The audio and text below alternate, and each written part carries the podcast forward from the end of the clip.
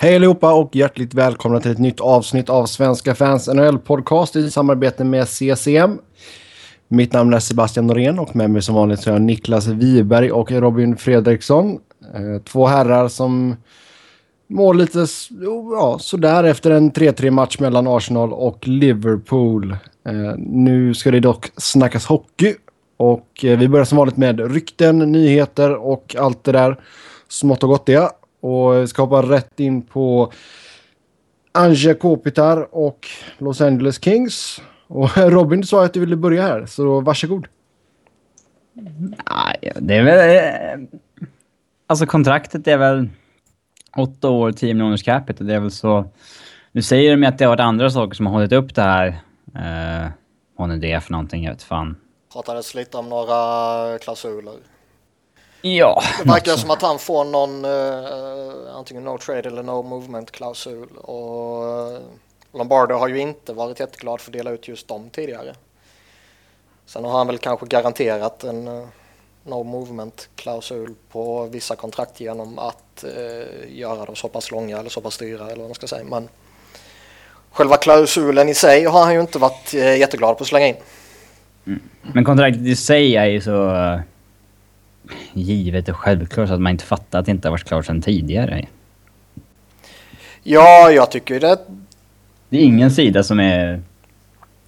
Ja, har vunnit här. Det är ju liksom fair and square, bara exakt det som förväntades. Ja, Kopitar vinner väl mer än vad Kings gör givetvis. De skulle ju säkert ha han på... Tycker det är mer rimligt med åtta liksom, men...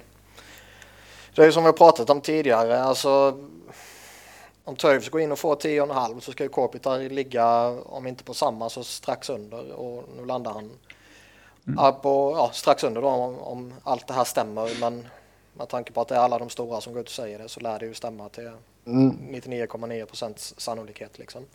Jo, det blir väl 9,75 eller 10. Mm. Um, men som sagt, ingenting som är helt officiellt ännu. Men uh, som du sa där, jag menar McKenzie och diverse stora namn har varit ute och tweetat om det idag. Eh, blev ju lite av en grej att det... Nu vet inte jag vad det är. Vad var orsaken till att det blev sånt jävla snurr igår? För att Darren Dreger sa i Insider Trading att eh, samtalen mellan Kings och Kopitar nästan hade nått en impasse. Ja, okej, okay, okej. Okay. Ja. Man undrar ju om... Alltså... Om det satte fart på det eller ja, om de var bara helt fel ute då. Ja. För det kan ju verkligen ha varit på riktigt att de var på väg att typ säras åt och sen så ja, snappa till sen upp det liksom ja. och så blir det ett jävla tryck för man, alltså Kings kan ju verkligen inte släppa honom. Eller Nej. alltså sätta sig i en position där man riskerar att släppa honom liksom. Ja. Jag, jag tror ju snarare att det är så än att någon av de tre stora Dreger eller Brand McKenzie har fel. Mm. Faktiskt. Mm. Eh. Kopitars agent skickar iväg ett sms till Dreger körde, körde via media lite hardball där. Men ja, det, vem vet. Har vi tur så blir det officiellt medan vi spelar in här. Uh, men ingenting som är helt ristat i sten nu i alla fall. Sen Alexander Ovechkin, han gjorde sitt eh, uh, 500 mål i karriären i veckan. Och han gjorde även 501 i samma match. Hur stor är Alexander the Great? Störst störst? Ja, beträffande målskytte. Ja, kanske. Han är väl, jag skulle väl inte säga slå fast i sten att han är störst, men han är väl en av de största. Mm. Alltså det, det tycker jag är rätt givet ju. Men att uh, säga att han är störst, det håller jag inte med om. Inte idag. Han kanske är det om fem år när han slutar. Om han nu skulle sluta om fem år. Ja, men han... Vad säger vi? Har han eh, fem 40 målsäsonger till i sig så då, då eh, är det intressant att se vad folk snackar om honom efter karriären. Men... Eh, Nej men då är det ju förmodligen så. Jo. Men däremot i dagsläget att bara ha något, eller alltså inom situationstecken bara 501 mål. Det, det håller jag inte honom som störst. Även om man eh, tar in olika eror i, i liksom beräkningarna och hela det här köret. Ja, alltså det är ju svårt att, att jämföra. Det har vi ju snackat om tidigare, men det är svårt att jämföra spelare från olika eror. Men, men liksom, jag håller ju inte Ovechkin högre än vad jag håller Gretzky. Nej. Inte idag. Jag kanske gör dem några år. Om han fortsätter eh, pytsa som han gör liksom. För det är ju ändå en, alltså det han gör och det han har gjort är ju en jättebedrift. Och eh, alltså ä- även om han är, om man tittar bara på faktiska mål, alltså antalet siffror, så är han ju en bra bit ifrån toppen. Han är ju på plats 42 i, i tidernas skytteliga liksom och han har några hundra mål upp liksom till han är inne i, i toppskiktet.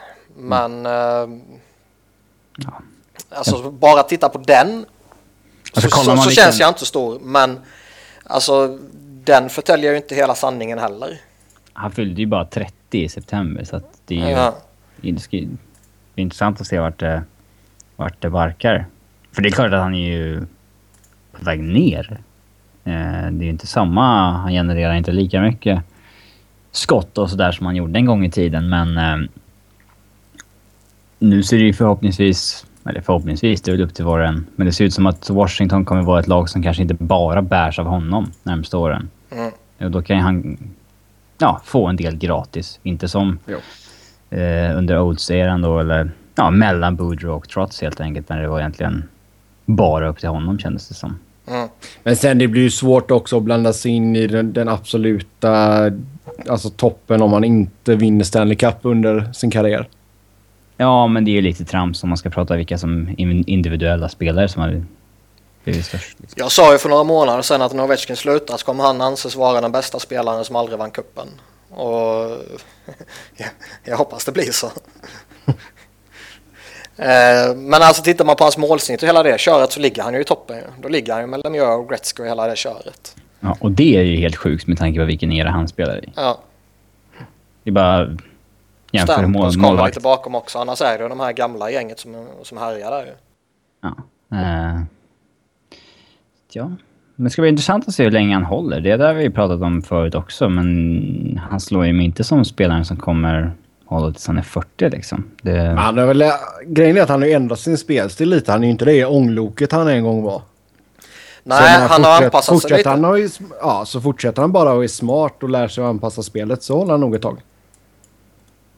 Det tror jag mycket väl han kan göra. Alltså det, nyckeln är ju om han kan, vad ska man säga, om han kan ändra sin spelstil och liksom, eh, alltså jämför man med många andra stora, eh, Chris Pronger kunde ju ändra sin spelstil och fortfarande vara en förbannat effektiv back och eh, liksom Jaromir Jagr är ju inte den spelaren han en gång var, men han håller ju ändå en hygglig nivå liksom.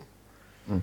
Eh, Så kan han, och jag tycker ändå det är rimligt att jämföra Ovechkin med två spelare som är eh, liksom den generationens eh, största spelare. Så kan han anpassa sig på samma sätt som ja, just de här två exemplen då kunde. Då tycker jag definitivt att han bör kunna hålla en hög nivå i många år till. Mm. Om inte annat så kommer hans skott generera mål. Liksom.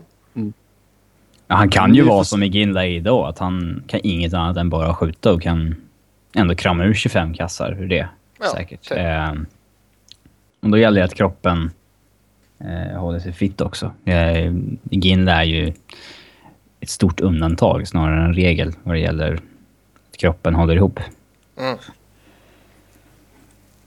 Mm, gäller att äta rätt och träna. Så ingen eh, Robin Fredriksson-diet på Ovechkin i alla fall.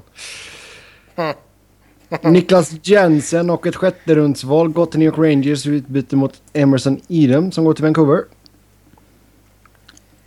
Hagelin-traden ser inte så jäkla bra ut nu, men... eh, ja. Det är väl en... Lite... Jag har svårt att se att Niklas Jensen skulle vara någon framtida NHL-spelare. Emerson Eaton tycker jag är en spelare man kan, eh, man kan spela i, i NHL i en bottom six. Ja, jag håller med. Det finns väl inte så värst mycket mer att säga. Det känns som en, eh, en trade som inte är så jätterolig. Ja. Det var därför de kompenserar med ett pick också. ja, ja. Mer Vancouver. Man eh, försöker dumpa Chris Hig- Higgins. Man har Försökte. inte bestämt sig. Ja, försökte. Eh, man har inte bestämt sig vad man ska göra med Radim Verbata. Och man är inne i snacket om Steven Stamkos. Mycket som händer runt Vancouver just nu. Alltså det mest intressanta eh, om man lägger Stamkos åt sidan så länge så är ju det hur de behandlar hela Chris Higgins-grejen. Det jättekonstigt. Där man verkligen går ut med liksom ett statement på sin hemsida via officiella kanaler och allt sånt här. Att vi försöker dumpa honom. Eh, Men man säger det lite fint att vi vill börja bygga ungt istället för att säga han suger. Men för det är ju liksom det man tycker. Eh, Och det hör ju inte direkt till vanligheten att man gör på det sättet.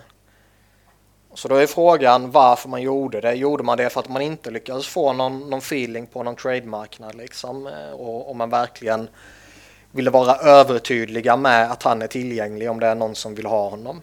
Eller var det så att man verkligen hade gnuggat allting i flera veckor och man kände sig på något sätt tvungna att typ eh, liksom låta meddela sitt, sin avsikt innan man, som man gjorde nu, satte honom på waivers och skickade ner honom liksom. Mm. Alltså typ mot fansen och typ mot eh, övriga och allt sånt där. Men det, Mm, det nej, är lite, lite- lite udda tycker jag. Men Ja, roligt. det jag. Skoj om fler lag gjorde så när det kommer till sådana här situationer. Få en uppdatering en gång i månaden vad de egentligen tycker om sina spelare. Nej men exakt. Men Radim Verbata då? Alltså Vancouver är lite intressanta så tillvida att de... eh, Alltså, Rebuildar on the fly. Samtidigt som fönstret är med Sedinarna liksom. fönstret är väl stängt. Ja, men det är ändå... De kan ju inte börja sälja av allt de har så länge Sedinarna ändå är där. Nej, Eh, men det är väl Sedinarna som gör också att man eventuellt skulle kunna lyckas med en rebuild on the fly. Mm. Eh, ja, men jag kan ju förstå att det känns lite... Ja, tungt att släppa en Verbata kanske. Att det inte är liksom helt givet att man ska gö- göra det. Uh, jag hade förmodligen gjort det, men...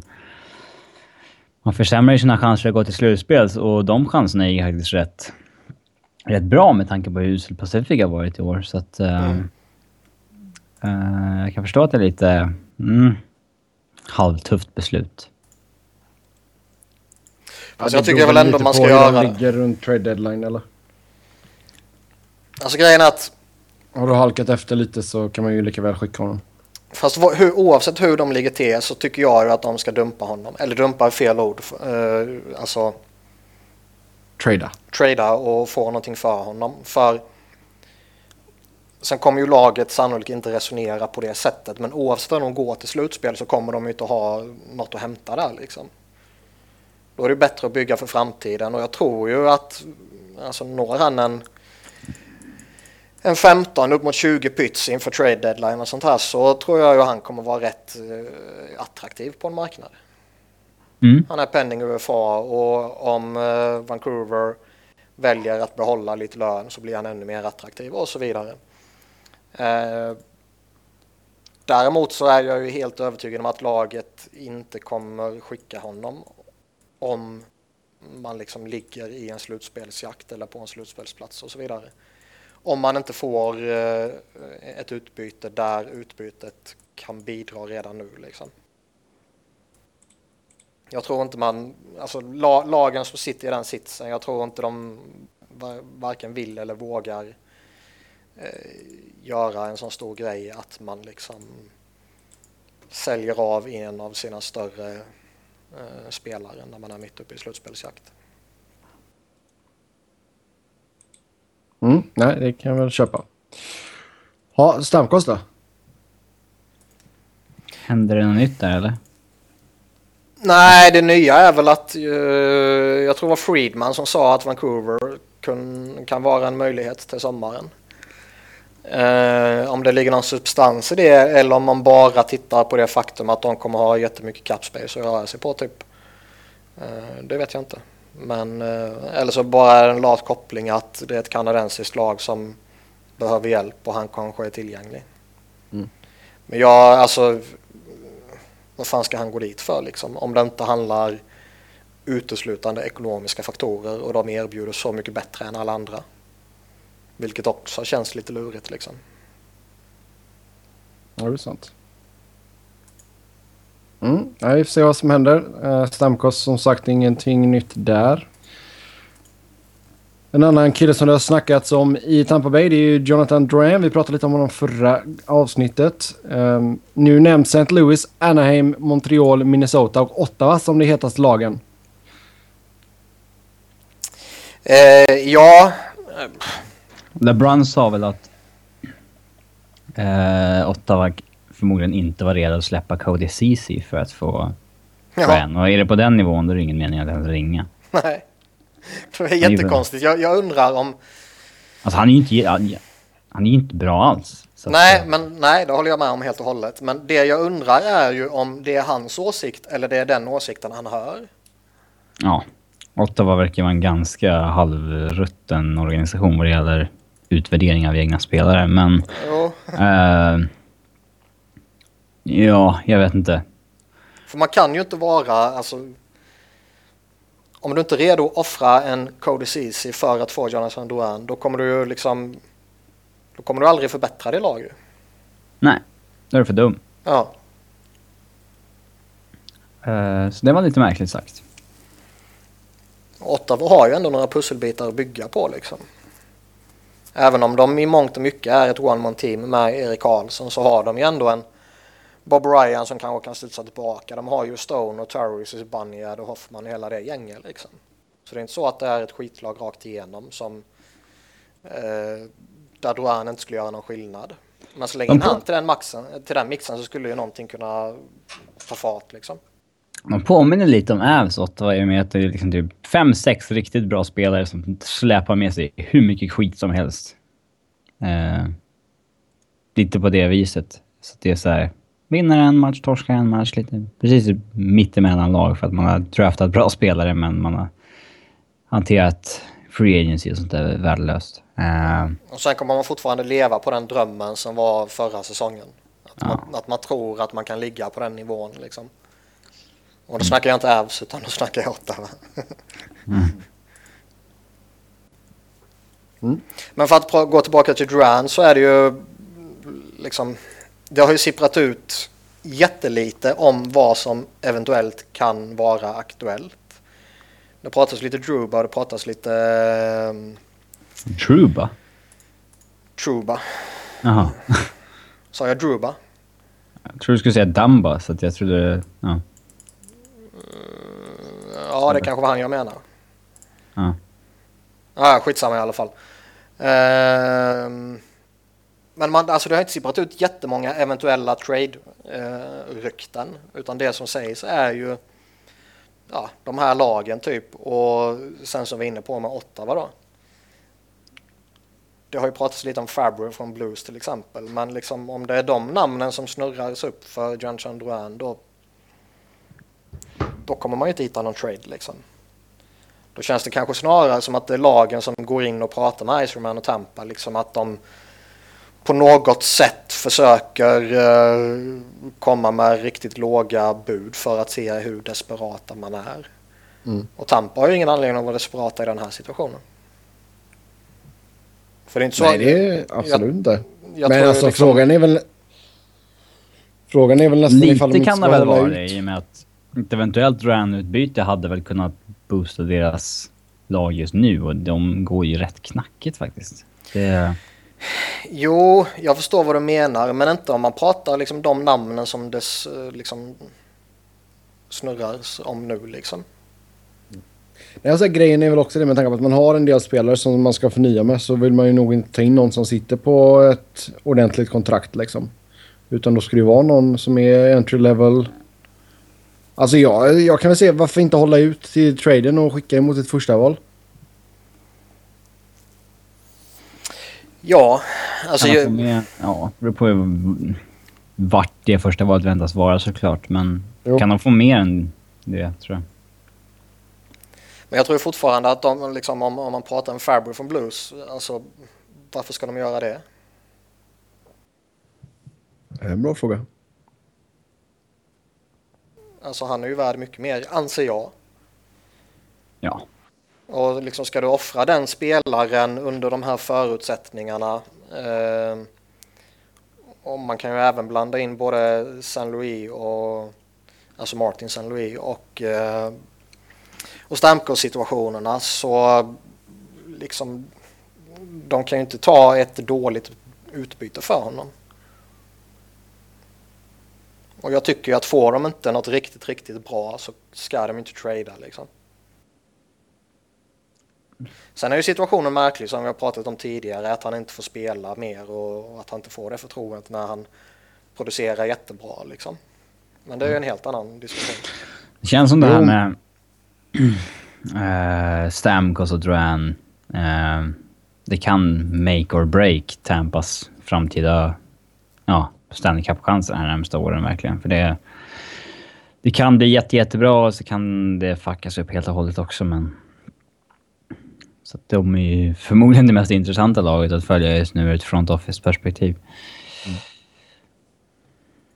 Jo, men alltså jag kan väl köpa att man kanske funderar på att trada Stamkos. För vi har snackat om det tidigare. Du skulle få ett jävla utbyte. Ja, och vad fan, alltså han... Han hjälper inte laget i stort lika mycket som Kopita till exempel, som går för 10 mille. Mm. Eh, så att... ehm, ja. Eh, det hade kunnat bli jättebra om man lyckas trada Stamkos för en Kings ransom och sen så... Ja, komma överens om Duran om att han blir kvar, tror jag. Det hade varit det absolut bästa.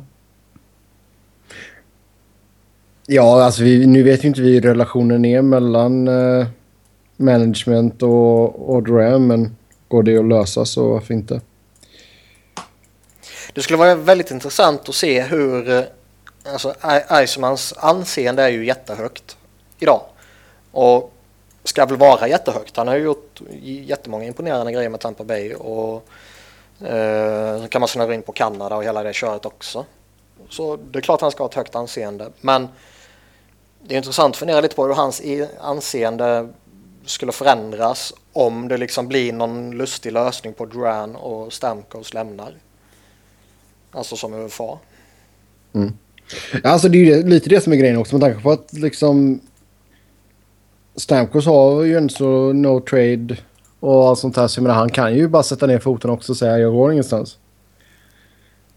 Det hade varit ett jävla slag i ansiktet i och för sig. Ordentlig punktspark. Ja, tjäna. Han bara nej. Det F kan- you.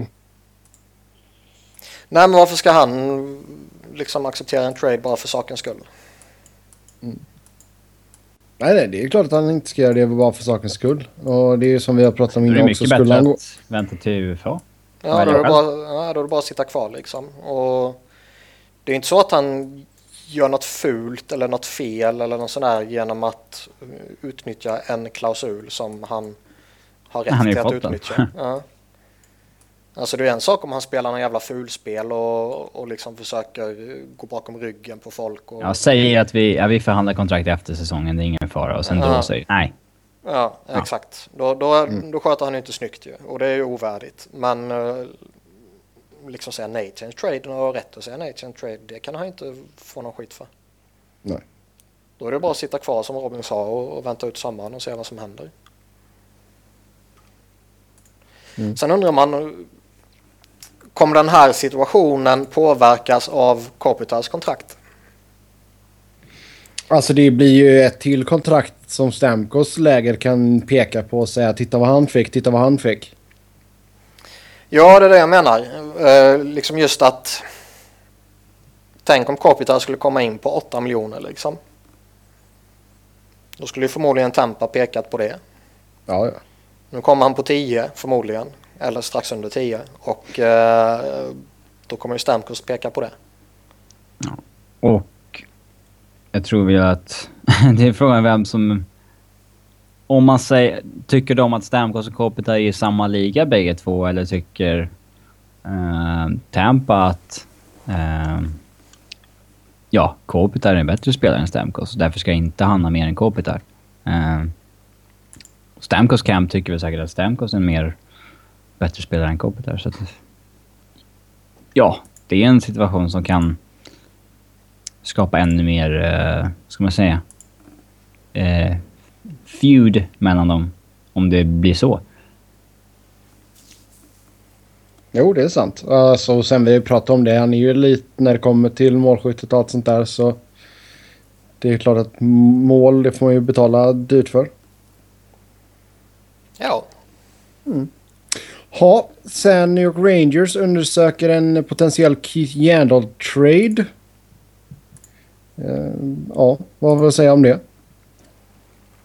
Det är ju en jätteintressant väl... situation också. Ja, man ska väl undersöka möjligheterna såklart. Ja. Och, ja, men alltså, å ena sidan så förmodligen kommer det bli jättesvårt att förlänga med honom. Mm. Uh, spontana känslan är väl att han kommer uh, landa på liksom, minst 5,5 miljon liksom någonting på nya kontraktet. Ja, minst. Alltså. Ja, minst. och det är, det är nog snällt räknat ändå liksom. Uh, men bara det skulle ge problem för, för Rags ju. Och det är väl det som gör då att man överväger eh, enligt ryktena en trade. Vilket känns jättelogiskt såklart. Å andra sidan Man... så bör de ju behålla honom om man bara tänker kortsiktigt och denna säsongens möjligheter. Mm. Man, ring, man, ringer till Arizona och frågar om man, om man kan få göra tillbaka um, ehm, Duclair-traden där. Men alltså, alltså väljer de att sälja honom nu och kanske till och med väljer att behålla en del av hans lön så att han blir snuskigt billig. Mm. Då finns det ju säkert jättemånga lag som kommer skrika jättehögt efter honom. Så man kan ju föra rätt tunga argument för att det är jätteklokt att trada honom. Kan man behålla ännu mer lön på honom? Alltså ja, han är ju ja. redan mm. 50% Arizona, 50% Rangers. Jag tror, ja, jag tror man får göra det en gång till. Okej. Okay. Så att det andra laget får bara betala 25% av hans total? Eller vad, vad blir det då? Nej, det beror, nej, det beror på hur mycket man väljer att behålla. Jag tänkte om de skulle göra något snuskigt billig. Ja. Men ja. får, de får fortfarande bara liksom breaka resterande 2,6 drygt i, i hälften också liksom. Uh, men vad jag har fattat det som så är det helt okej okay att, att retaina två gånger så att säga. Mm. Så det är... Alltså... Kan du få Keith Yandel på två miljoner eller under två miljoner liksom. En jätteboost för ditt lag inför eh, mm. ett slutspel liksom. Och det är två miljoner kan ju i princip vilket lag som helst skaka fram. Men... Uh, ja. Är det bättre... Vill man ge Yandel ett loan-kontrakt på de pengarna. Vi snackade ju förut i Arizona om, när han var där då om att det var kanske... Den som ger honom det kommer kanske ångra sig för han är ingen back som man kan luta alltså, sig mot som sin Nej, i, i Arizonas situation så var det ju speciellt med tanke på att han ledde laget i poäng typ varenda jävla år. Men alltså om, du, om han hade varit i Arizona nu så tror jag inte att, att de hade gett honom det kontraktet. Men går han ut på öppna marknaden, alltså där måste han väl ändå kunna hitta någonstans strax under 7 mille tror jag. Ja, lätt. Sen är det ju mm. som sagt, det är ju inte en back som du... Han är ju väldigt bra på vissa saker och defensiven är väl inte helt hundra liksom. Utan då, men då gäller det att hitta den perfekta partner till honom. Då tror jag han kan vara hur effektiv som helst. Sen, eh, ja. Sen vet jag, orolig vet jag inte om jag hade varit. Men däremot så är det klart att det kommer kosta pengar. Han har varit bättre än jag trodde i Rangers på att... Uh, ja... Defensiva biten då. Men, på att inte uh, ge bort indianare? Ja, men det kommer ju hända alla offensiva backar liksom. Men... Uh, ja, han har inte haft en lika offensivt... ja, vad säger man? lika offensivt... Nej. rollen han har haft är inte lika offensiv eh, lagd som den var i Arizona. Nej, i Arizona hade han ju lite fria tyglar. Det har han väl inte i Rangers. Ja, han spelade ju aldrig några tuffa minuter i Arizona. Det var ju bara med Halleck och, och Derek Van Ja, ja, visst. Och sen var det han som var QB på power, första powerplay-uppställningen och allting sånt där också. Så. Det är därför, därför det blev så många poäng som det blev. Mm. Men det här är också en intressant, alltså, vi kan ju snurra in på Verbata lite tidigare just med vilka signaler det skulle skicka, vad man eventuellt gör med honom. Behåller man honom om man går före denna säsongen, vilket liksom, vi har ju pratat om det tidigare, att deras fönster kanske inte är öppet jättelänge till liksom. Då talar väl det för att man ska behålla honom och satsa denna säsongen också. Uh, skickar man honom så är det också rätt tydligt som vi pratar kring Verbata då vad liksom, ja vi kanske inte tror på detta. Men man får inte släppa som UFA av så här värdefulla spelare. Nej, det, nej det menar jag inte man ska göra. Nej, det, är det, det måste man undvika. Ja. Behåller man honom över slutspelet och allt sånt så... Alltså Keith Yandel kommer ju alltid ha ett intresse som liksom att säkra upp hans rättigheter för att få en vecka extra förhandling med honom liksom. Sen visst, du får inte samma utbyte för honom då som du skulle kunna få om två veckor eller vid trade deadline liksom. Nej. Tror ni att man kan få, om man nu bestämmer sig för att släppa honom vid deadline säger vi. Um, kan man få ett liknande utbyte tillbaka som det man gick av till Arizona? Eh, ja. Alltså han är ju som sagt snorbillig. Mm. Bara det, om man väljer att sätta honom på marknaden uh, så tror jag man kan få jättemånga bud för honom. För som sagt får du in en Keith Yandel för liksom drygt 2,6 miljoner. Uh, alltså bara det är ju värt att betala jättemycket för. Mm. Om du känner att du är i ett läge där du kan kanske betala det för en rental liksom. För må många som spontant känns det som att de lagen som kanske skulle vilja boosta upp sitt lag med Keith Yandel, de kanske inte är i en position för att förlänga med honom. Nej, nej, jag vet inte. Alltså det har varit jäkla mycket snurr med Yandel och Boston med tanke på att han är därifrån. Alltså ser du att Bruins kanske skulle kunna gå efter honom? Ja, det är klart. Vad skulle de inte göra det för? De behöver ju försvarsspelare mer än något annat lag egentligen. Mm.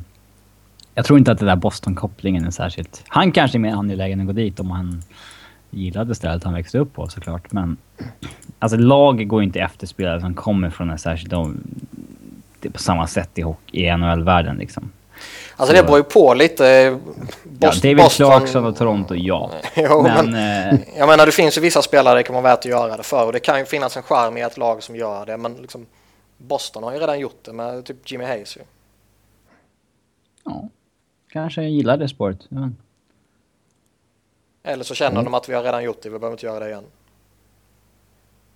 Mycket möjligt, mycket möjligt. Ja, vi får se vad som händer med Yandel. Uh, om ni hade varit in charge för Rangers, vad hade ni gjort?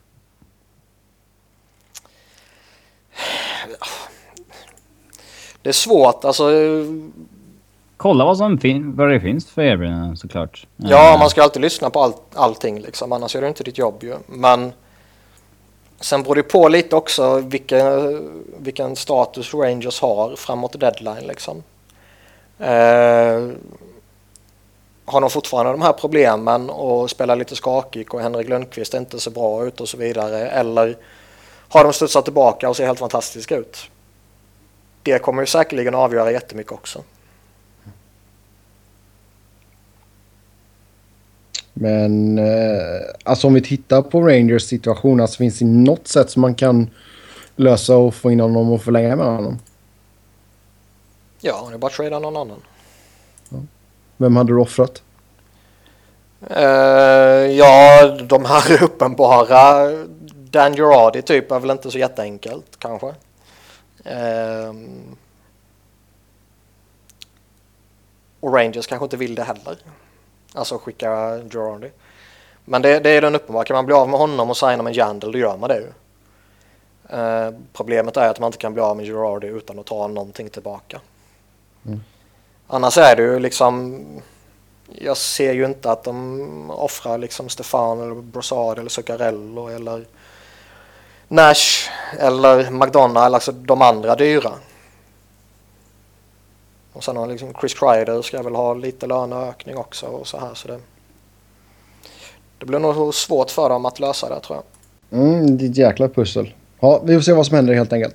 Uh, Jared Cohen i Ottawa sägs välkomna en trade och uh, miljöombyte och sådär. Skulle vi uh, ta honom till våra lag? Jag skulle inte ta honom med tång. Som man brukar säga. Jag skulle ju jättegärna ta honom om uh, uh, Ottawa plockar upp uh, McDonald. ja. Nej, men han, han är ett av de här kontrakten som... Ja, när man istället för att skriva en bridge deal skrev ett längre kontrakt på någon sån här mellannivå. Där det verkligen sket sig. För han har inte mm. alls varit bra. Uh, nej, skitdålig han verkligen. Ja, sen St. Louis, uh, Kevin Shattenkirk sägs vara tillgänglig. Ja, och med tanke på hur konstiga saker Doug Armstrong har gjort senaste tiden så undrar man ju... Tänk om de fuckar upp en Shattenkirks trade nu också. Vad kommer hända? det... Hans namn har ju slängts ut lite titt som tätt i ryktena liksom. Så det är väl kanske inte helt orimligt att det finns en sanningshalt i det här.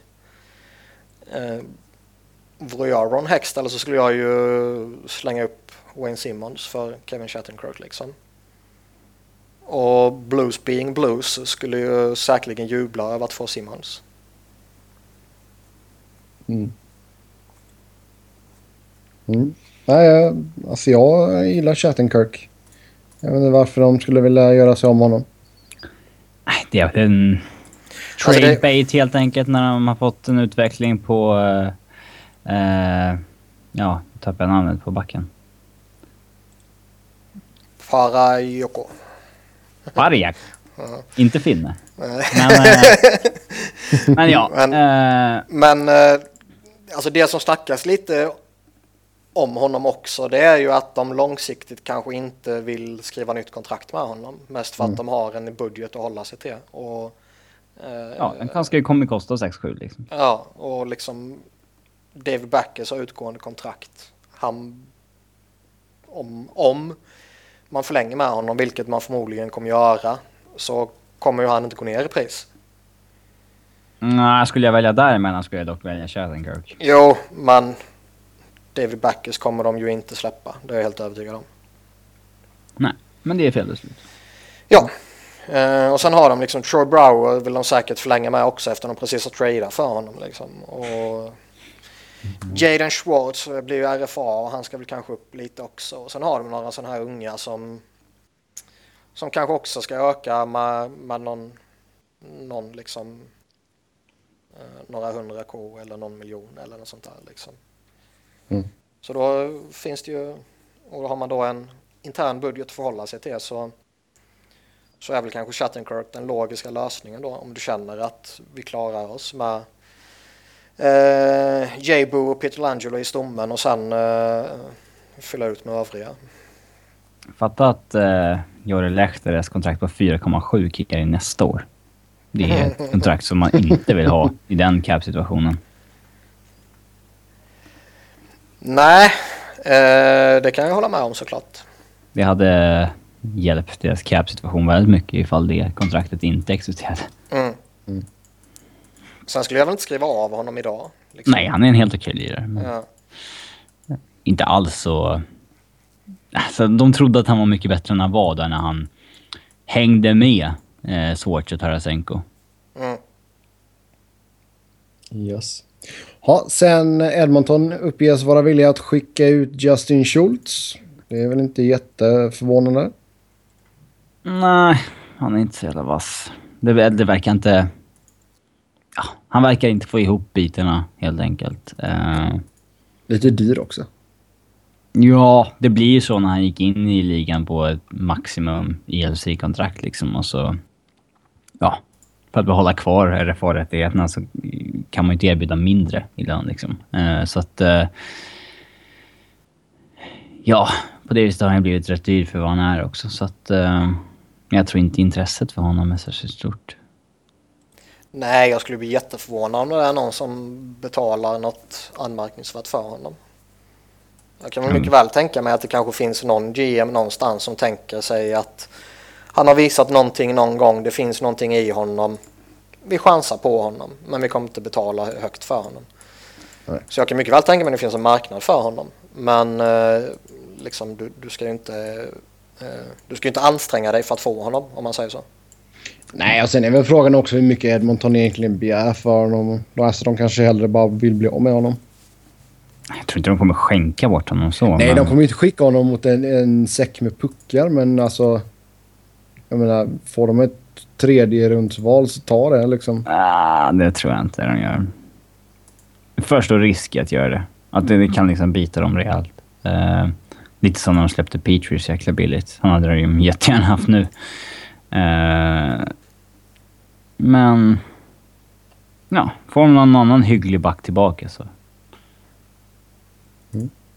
Ja, Men, ja. vi Charles är inte så jävla ung längre heller. Han är liksom 25 bast. Det är what you see is what you get känns det som nu. Mm. Och hans... Han ser ut... Det ser ut som han gör sin allra sämsta säsong i år av hans fyra hittills. Gjorde dock mål igår. Mm. Han gjort tre poäng i 5 mot 5 i år. Inte så bra för en Mm. offensiv back. Nej. Tyler Ennis, Buffalo, nämns som en spelare som kan vara aktuell för en trade. Hur Lite såhär Cam Atkinson-aktigt. Han nämns alltid lite som är en kille Mm. som är inne i trade-snack. Eh, Det känns väl lite som att eh, Murray mycket väl kan skaka fram någonting. Alltså, och, och tittar man på vilka, alltså Evander Kane lär ju inte försvinna någonstans. Ryan O'Reilly försvinner ju ingenstans. Eh, Jack Eichel sitter nog rätt säkert skulle jag nog spekulera i. Och eh, Mad Molson tror jag inte är så jätteattraktiv liksom. Och Brian Jont är det väl ingen som vill ha. Så ska man göra någonting så är väl kanske den logiska lösningen Tyler Ennis. ja. Mm. Ehm, ja, det är inte helt omöjligt. Nej, bara hålla med Niklas där. Bra analys Niklas. Sen Jakob Kindel passerade waivers nu är skickad från Detroit. Sen eh, Brandon Gormley, Colorado, passerade waivers. Ja. De kallade upp Nikita Sadorov och Chris Bigra idag. Så att eh, det är lite pusselbitar som flyttas runt i Colorado. Man vet inte. Nate Gannon gick på waivers också. Ja, men eh, de kommer inte skicka ner dem säger de. Eh, så att, ja, men de så claimade de ju den här Andrew Bodnerchuk som eh, här om veckan. Det var Innan vi gjorde förra avsnittet, men de var inte tillräckligt newsworthy att få plats i podden. Men med tanke på att det, ja, men de claimar honom, sätter Gormley och Ginnin på waivers, de plockar upp Sadorov och Biga. Det, ah, det känns som det kan vara något större på gång som kanske händer snart. Det är mycket pusselbitar som flyttar hit och dit. Så att, eh, det ska bli jävligt mycket roligare att se Nikita Sadorov och eh, Chris Bigra än att se Nate Ginnon dock. Eh, Mm. Jag var ändå så inne på det här med folk som blir nedskickade så San Jose har ju skickat uh, Ruffy Torres till uh, Barracuda. mm, Pray for Barracuda. Ja, eh, någon i en AHL kommer att åka på en rejäl smäll här nu. Eh, tror vi att San Jose kommer att plocka upp Torres? Eller kommer han att stanna i AHL? Nej, vad fan Peter de Boer gick ut och typ hyllade honom ju. Att Tarot, han har varit eh, fantastisk nu under sin rehab. Han har skött sig jättebra, bla bla bla. Så det är klart han kommer spela. Det är bara en tidsfråga. Blir det eh, om en match eller om tio matcher liksom? Speciellt när Sharks går lite knackigt också. Ja. Liksom, mm. Förr eller senare så kanske de tänker, nej, vi slänger in bomben. Liksom. Ja. Eh, eller slänger in en handgranat här och Ja. se Och vad som menar, händer. Han kan ju alltså säga att han hoppar in och spelar de sista 35 matcherna eller någonting. Han kanske sköter sig jättebra och är inte involverad i något skit. Men eh, det kan ju lika gärna snedtända efter en match ju. Mm. Han är ju fullkomligt galen. Och han är ful och han är feg. Han har ingen respekt. Mm. Han har ingen själ. Han saknar helt empati för... Ja, det Han också. saknar helt empati för andra levande varelser. Ja, det också. Och ehm, jag kan väl liksom... Man har väl förståelse för att den där eh, eh, liksom attityden finns kvar i ligan. Att den här spelaren är jätteviktig och vi behöver han i vårt lag och så vidare. Det är ju en mentalitet som fortfarande lever vidare. Men man måste ju ha en sån jävla spelkänsla så man fattar att, som det bor i det här fallet, att man kanske inte ska säga sådana grejer. Jo, det är sant. Nej, det är en spelare som har fått en, två, tre chanser för mycket redan. Ja. Det är liksom... Låt det vara, vara liksom. Ja, eh, Gormley, vi snackar lite mer Colorado lite senare i programmet. Då ska Robin få prata av sig ordentligt. Eh, Patrik Elias borta på obestämd tid på grund av knäoperation. Det är inget bra. Alltså det, det är ju lite... Känsligt när man närmar sig 40, ja. Ja, men det, det jag tänkte säga, du har ju givetvis rätt i det, men det jag tänkte säga är att det är ju lite tråkigt om han skulle avsluta en fantastisk karriär på det här sättet. Liksom att han, eh, han börjar få lite problem och han kan liksom inte hitta någon flyt Ja, och så han- helt plötsligt kommer skadeproblem och så liksom så det är det som tvingar honom till typ eh, att ja, sluta liksom. Ja. Nej, skadepensionärer är aldrig roligt. Nej, framförallt på en sån, alltså nu, nu var det väl rätt många år sedan han var absolut toppnivå, men han var ju trots allt det i många säsonger. Sympatisk människa. Mm. Han har empati för andra levande varelser. Sen en annan skada. Eh, James Van Riemsdyk, Toronto, borta 68 veckor på grund av fotskada. Kan det vara en eh, blessing in disguise för Toronto? Han har väl gått rätt bra här mot slutet nu och eh, har jag för mig och, och så det är liksom Visst kan man tänka på det sättet. Däremot tror jag väl inte att de gör det. Eh, även om de alldeles uppenbart är i någon form av rebuild så vill jag ju ändå fortfarande vidhålla att De Ma- spelar ju för liksom- att vinna. Ja, Alltså, Mike Babcock spelar ju för att vinna liksom. Men nu kan de ju smygtanka lite. Ja, men det... Alltså visst, en, liksom en ledning och GM och hela det köret kan ju alltid göra det. Och, Ja. och liksom, det såg man ju jättetydligt med, med Arizona och Buffalo liksom. Men spelarna på isen kommer inte göra det. Nej. Och jag tror inte att Mike Babcock är den som gör det heller. Nej, nu är det lite speciell situation eftersom Babcock har ett livstidskontrakt i princip. Men Mm.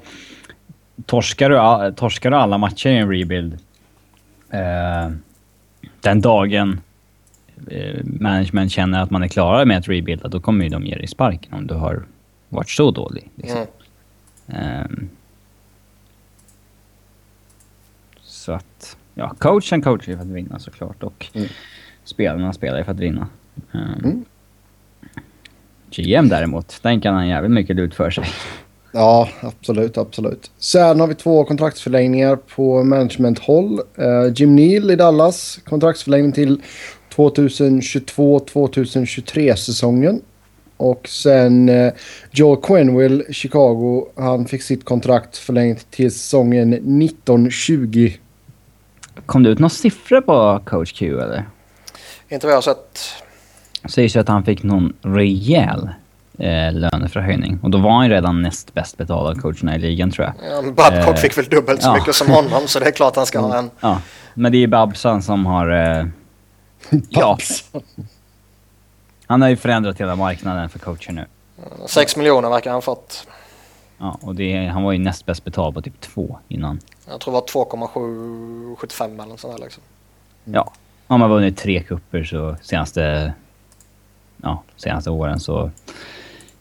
Ja, well deserved. Han har ju gjort det superbra i Chicago så att det... Ja, Japp. Ja, sen har vi avstängningar. Marcus Johansson, två matcher.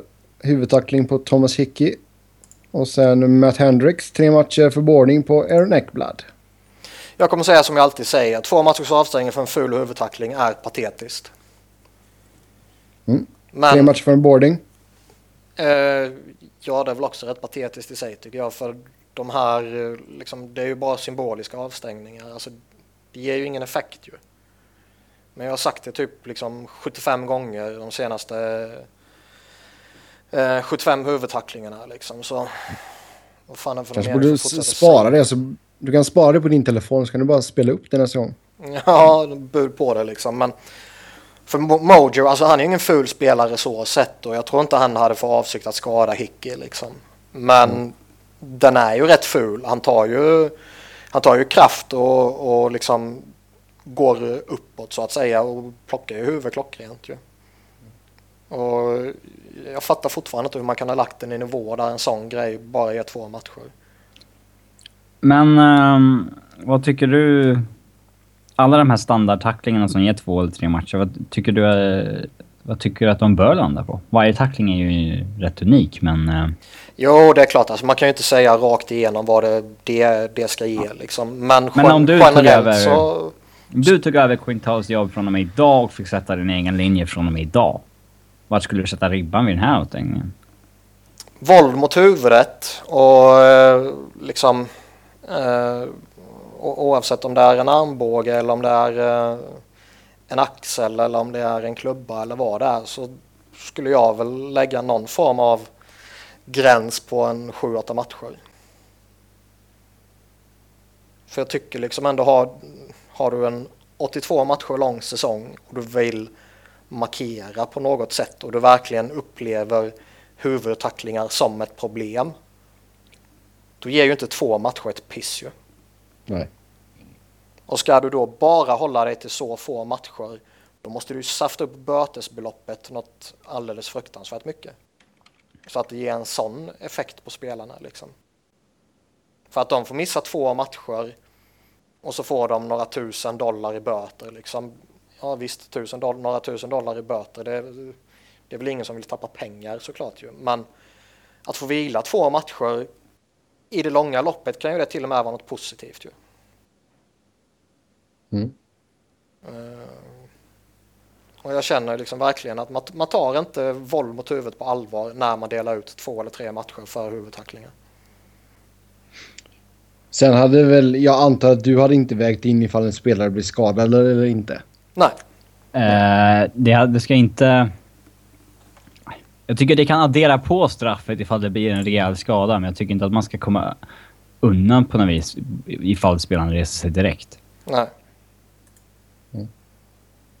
Mm. Sen eh, så ska Niklas få klaga lite på Bobby Farnham innan vi går vidare i programmet. Bra Varsågod. målskytt dock. Jävlar vad han öser in mål i Devils. Nya David Clarkson. Ja, ja fan vad det skoj det vore. Om han bara fortsätter. Alltså, jag, jag föraktar honom så passionerat. Han är så ful och feg. Och det här senaste han gjorde här där han eh, hoppar på Jaskin på ett sånt äckligt sätt. Eh, bara hatar honom ännu mer. Det går liksom inte att beskriva i några andra ord på något smidigare sätt. Men det vore så fantastiskt skoj om han får någon jävla lyckosäsong när han gör liksom 15-20 baljor och helt plötsligt får Devils för sig att signa honom på ett helt sjukt kontrakt. Jag skulle njuta så hårt. Samtidigt som jag inte vill se honom i ligan eftersom han är så dålig och så ful och feg och farlig. Men du, eh, säger du, vad säger man? Eh, eh, du unnar honom ett bra kontrakt. Nej, det gör jag inte. Jag undrar att Devils ett dåligt kontrakt. Mm. Niklas vill att Farnham ska göra lite dåliga investeringar med sina pengar, helt enkelt. Ja, det, han kan gärna få några miljoner så kan han spela bort dem eller någonting. Ja. Herregud. Ja, vi går vidare i programmet. Eh, vi ska fortsätta vårt halvtidssnack. Eh, då har vi passerat hälften av säsongen här nu. Vilket lag är i dagsläget ligans största contender? Största contender. Alltså, Mm. Jag läser Störst- bara vad som står i körschemat. ja. Jag hoppar inte på dig här. Eh, Det är men- mig du hoppar på alltså. Fråga. liksom, vilk, ja, om vi skulle sätta en eh, procentuell chans på vilket lag som tar Stanley Cup. Eh, Ja, eller enkelt förklarat, vilket är ditt favoritlag i, idag liksom? ja... Och då menar, jag, då menar jag inte om slutspelet skulle börja idag, utan då menar jag ju eh, att slutspelet börjar om några månader. Washington.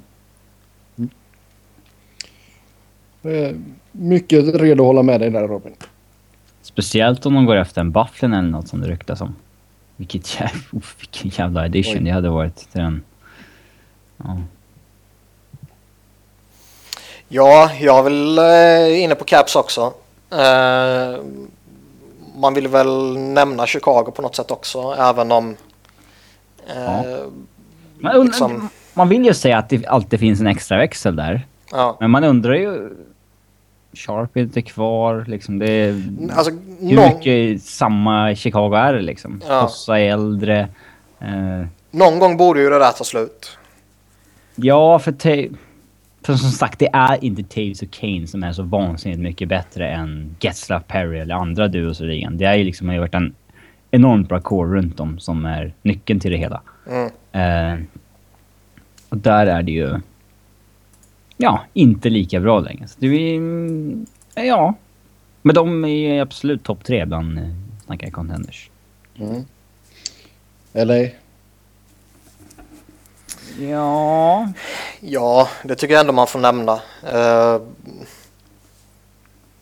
det känns ju som, alltså den säsongen de hade i fjol, det är ju lite den säsongen man sitter och väntar på att Chicago ska få. Och den säsongen är bra tändvätska för LA den, detta året också. Ja, och det blir det väl för vilket lag som helst som har varit i den sitsen och verkligen eh, gått långt och vunnit och så vidare. Och, och Kings har ju på något sätt, trots att de missade slutspelet där, så har de ju trots allt inne i någon form av minidynasti liksom. Eh, får man väl ändå säga i den här moderna varianten liksom. Mm. Men eh, visst, jag tycker det är rimligt att nämna dem. Om vi går på andra sidan eh, spektrat. Eh, vilket lag är i dagsläget ligans största pretender? Det är Florida.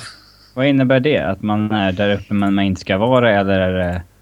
Man är längst ifrån att vara en contender? Nej, jag menar inte lag 30. Nej. Utan jag menar ju, Du Vilka menar över- Florida. Du kan säga Florida. ja typ Florida liksom. Det är Vilka väl- överpresterar mest? Ja, typ. Eller vilka är det uppe och snurrar? Eller vilka, Vilka liksom... är årets Calgary? Vilka är årets... Ja, Avs innan dess och... Ja. Ottawa i fjol kanske också, kan man säga. Ja, något sånt typ. Jag tror inte att det är Dallas. De tror jag de är bra på riktigt. Men ja, Florida är absolut en... En sån. Eh, Arizona också, såklart. Om man räknar. De kan inte räknas som det för fan. Nej. Eh, Islanders kanske? Nej. De tycker jag hör hemma där någonstans mellan 10 och 15 bästa laget i ligan. Ja, det, på hur, ja det, det är en tolkningsfråga hur man väljer att se på Pretender. Ja. Det är lite luddigt. Mm. Ja, Nej, som, som vanligt har Sebbe inget att tillägga. Jag sa ju Florida så fort vi pratade om det, så Det fuck ju you. Fuck you, det var ju... Ja. Vilket lag kan ge upp säsongen redan nu? Eller vilka lag? Det är ju inte bara ett lag. Vilka lag? Kan ge upp. Columbus kan väl eh, ta semester redan nu. Buffalo kan göra det. Eh, Toronto kan göra det. Edmonton kan göra det. Calgary kan göra det. Eh, ge det tio matcher till så kanske man kan lägga till något lag också. Mm. I West är det egentligen bara Edmonton och Calgary tror jag. Eh, samtidigt inte... Alltså de är ju... Calgary är fyra poäng från slutspel så att det är inte... De kan ju göra vad Ottawa gjorde i fjol, absolut. Så att eh, ge upp säsongen... nej, vi, jag håller med om givetvis. Men Nej, det är egentligen sker. bara Columbus som är helt borta. Alltså så här... Ja. Det, är, det är bara att boka golfbanan nu. Det så ingen Det hinner har, före. de, det har de redan gjort för fan. Det gjorde de för länge sedan. De bokar den i förväg inför varje säsong. Och så kan de boka av ifall det inte skulle bli så. Istället, det är safeare. Eh, men eh, ja, det är, det är inte så många...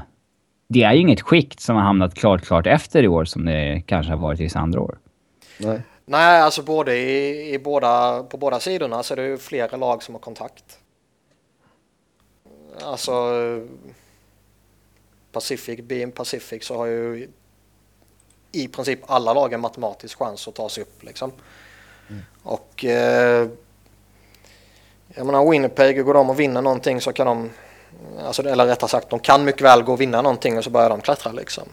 Och alla väntar ju fortfarande på att Anaheim ska göra samma grej. ju. S- Det kan bli lite nervigt om ingen av de här drar någon gång. Mm. Liksom, nu har ju Tampa vunnit tre rad, men man undrade okej, nu bör, måste ni ju faktiskt börja vinna snart. Liksom. Det kan inte vara en slow start efter match 40. Det. Eh, och Anaheim, de är på gång. De kryper, kryper sakta. De, det skulle inte förvåna mig om de blir tvåa i Pacific. Nej, jag tror i slutändan kommer de lösa upp det på något sätt. Men man väntar ju fortfarande på att de bara ska dra iväg liksom. Ja, PDO är fortfarande i botten, shooting percentage i botten. Det, det kommer nog komma. Ketchup-effekt utan dess like snart. Ketchup över hela jävla tallriken. Alltså det, Det är ju lite, av, ja, lite eh, verkningsvärt ändå att Arizona leder eh, målligan just nu i Pacific. Med 120 baljor. mm. Medan Anaheim ligger på 78. Ja. Nästa punkt då. Vilka lag kommer med störst sannolikhet att falla i tabellen? Ja, det var väl lite det vi var inne på med Pretenders kanske. Men Florida kommer ju... Jag tror inte de vinner Atlantic. Nej, det har jag svårt att se. Jag tror inte jag heller. Däremot så frå- frågan är ju liksom... jag tror Blues fan kan fucka upp någonting om de skulle göra dumt nu med Shattenkirk. Det är, för det är många lag i Central som hugger där bakom liksom. Det är, Mm, de har visserligen ett litet försprång, men de skulle kunna fucka upp det här rejält. För de har ingen målvakt att luta sig på eller någonting. Det är... Mm. Inte så att jag tror att det kommer ske, men där skulle det kunna ske någonting. Jag tror inte Arizona går till slutspel. Eh, Devils kommer väl inte hålla där hela heller. nej.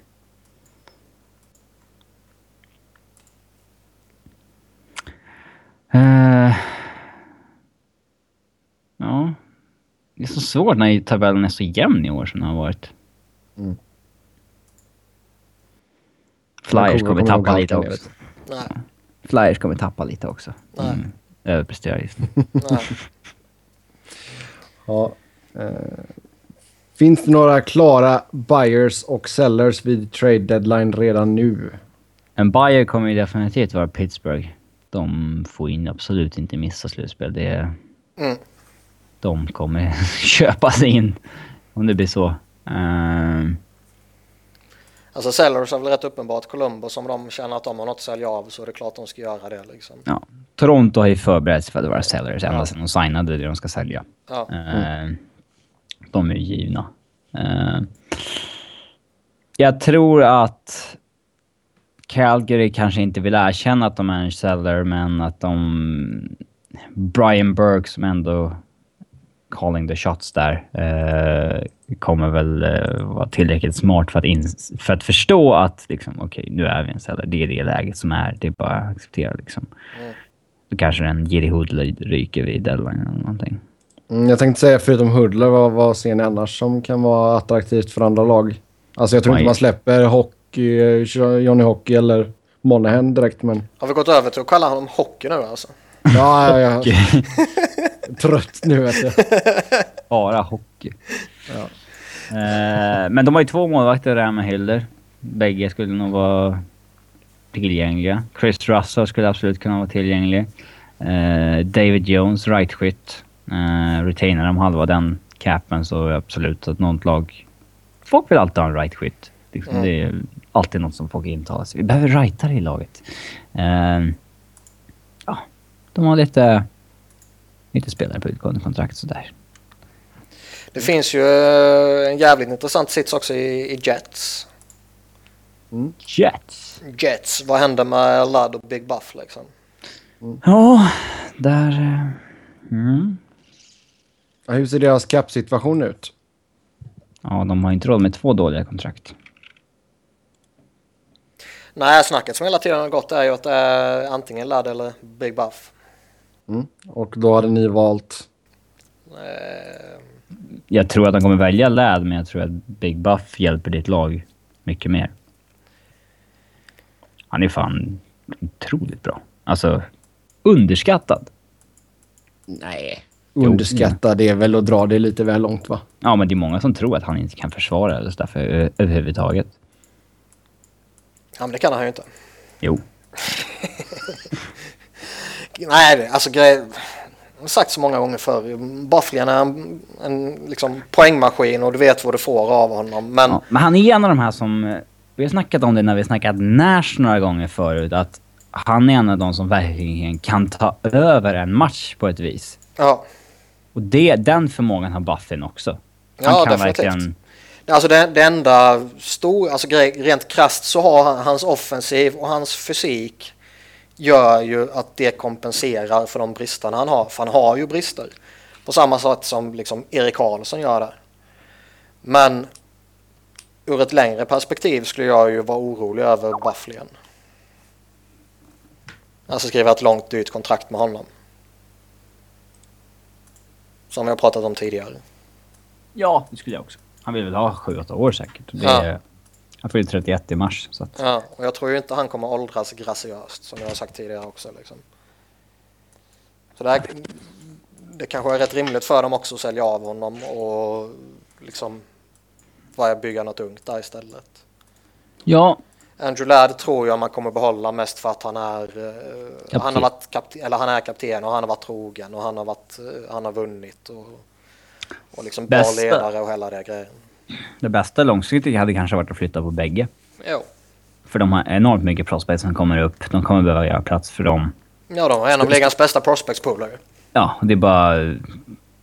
Skulle kunna bygga på den ännu mer genom att få lite fler picks eller någon ny ung spelare tillbaka. Och skulle de kunna vara en av ligans bästa lag om några år. Mm. Men jag tror det är lite för stort steg att Ja. skeppa båda. Så det tror jag inte man gör. Nej. Eh, Om inte båda säger att vi vill inte vara kvar. Då givetvis. mm. Men Cheval Dayoff är en uh, vass GM, så det ska bli intressant att se vad han eh, gör där. Ja. Har Sebbe kommit tillbaka? Han har dragit. Ja, han skulle öppna dörren för det ringde på dörren. Aha. Men då går vi eh, vidare. Har vi några mer buyers eller sellers? Ehm, Keynes känns ju som att de kommer sälja. ja, fick vi in Keynes också. Mm, då blir Emil glad. Mm. Men det är liksom, har man inte förlängt med Riksdal nu så då kommer man nog inte göra det. Ah, där måste det fan hända någonting någon gång. Ja. Jag tror han kommer försvinna framåt uh, deadline. Sen kanske han kommer tillbaka till sommaren. Men eh, det rimliga är ju att casha in på honom nu. Mm, Rusty kanske också ryker vid deadline. Klassisk deadline-spelare. men- Ja. Vad kan värdet vara på en eh, Eric Stahl just nu då? Det är svårt bedömt. Svårbedömt. Kan de retain... Nej, de, sit... de har satt sig i skiten genom att, att de har retainat för... eh, De har två bara. Okej, så de kan retaina på Stal. Eller ja, på en av Mm. de ska sälja. Men de kan... Mm. Intressant. Men man kan ju få ett enormt mycket större utbyte ifall man retainar hälften säsongen ut. Eh, nu har ju dock Keynes inte den lyxen att man är en av organ- organisationerna som kan göra det hur som helst.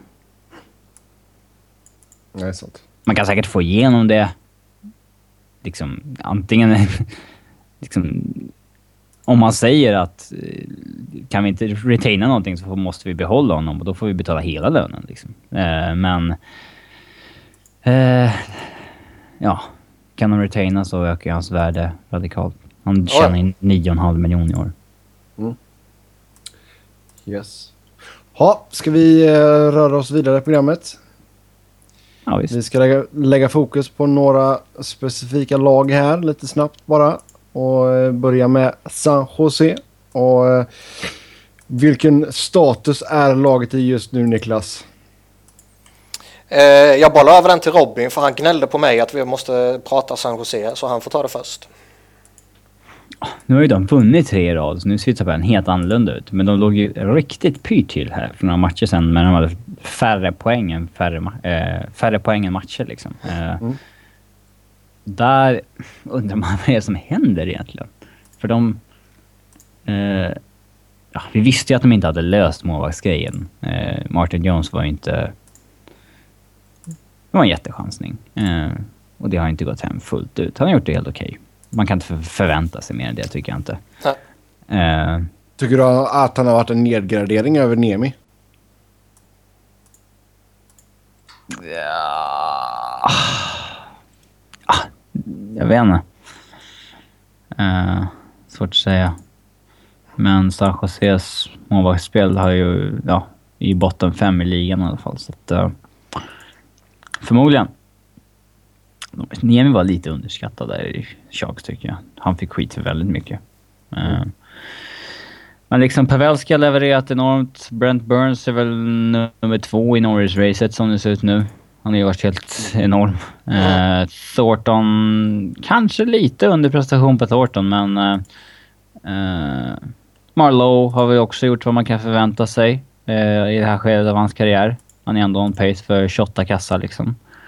Och eh, Ward har varit nästan bättre än förväntat. Lasic är väl Lasic. Men sen resten... Eh, mm, resten ser tveksamt ut. Och där är ju tecken på ett dåligt GM-arbete tycker jag. Eh, Det underlättar ju inte heller att man får Couture skadad. Nej. Nej, men de har fan tillräckligt med toppspelare för att kunna driva det där ändå. Jo, utan tvekan. Men jag menar, plocka bort honom ur majoriteten av matcherna så är det klart att det kommer svida. Eh, men ja, Sen, backsidan Sen är ju- svag nu. Mm. jag tänkte säga att Thomas Her- Hertel har ju haft det ganska kämpigt så han kom tillbaka från sin skada. Ja, men hade det inte varit för hans jävla fyramålsmatch hade ju ingen eh, tyckt att det var något konstigt med det här. Det var ju då eh, förväntningarna varit helt störda på honom helt plötsligt. Mm. Han är ju... Han gjorde 30 kastare i fjol och ju, i år har han gjort...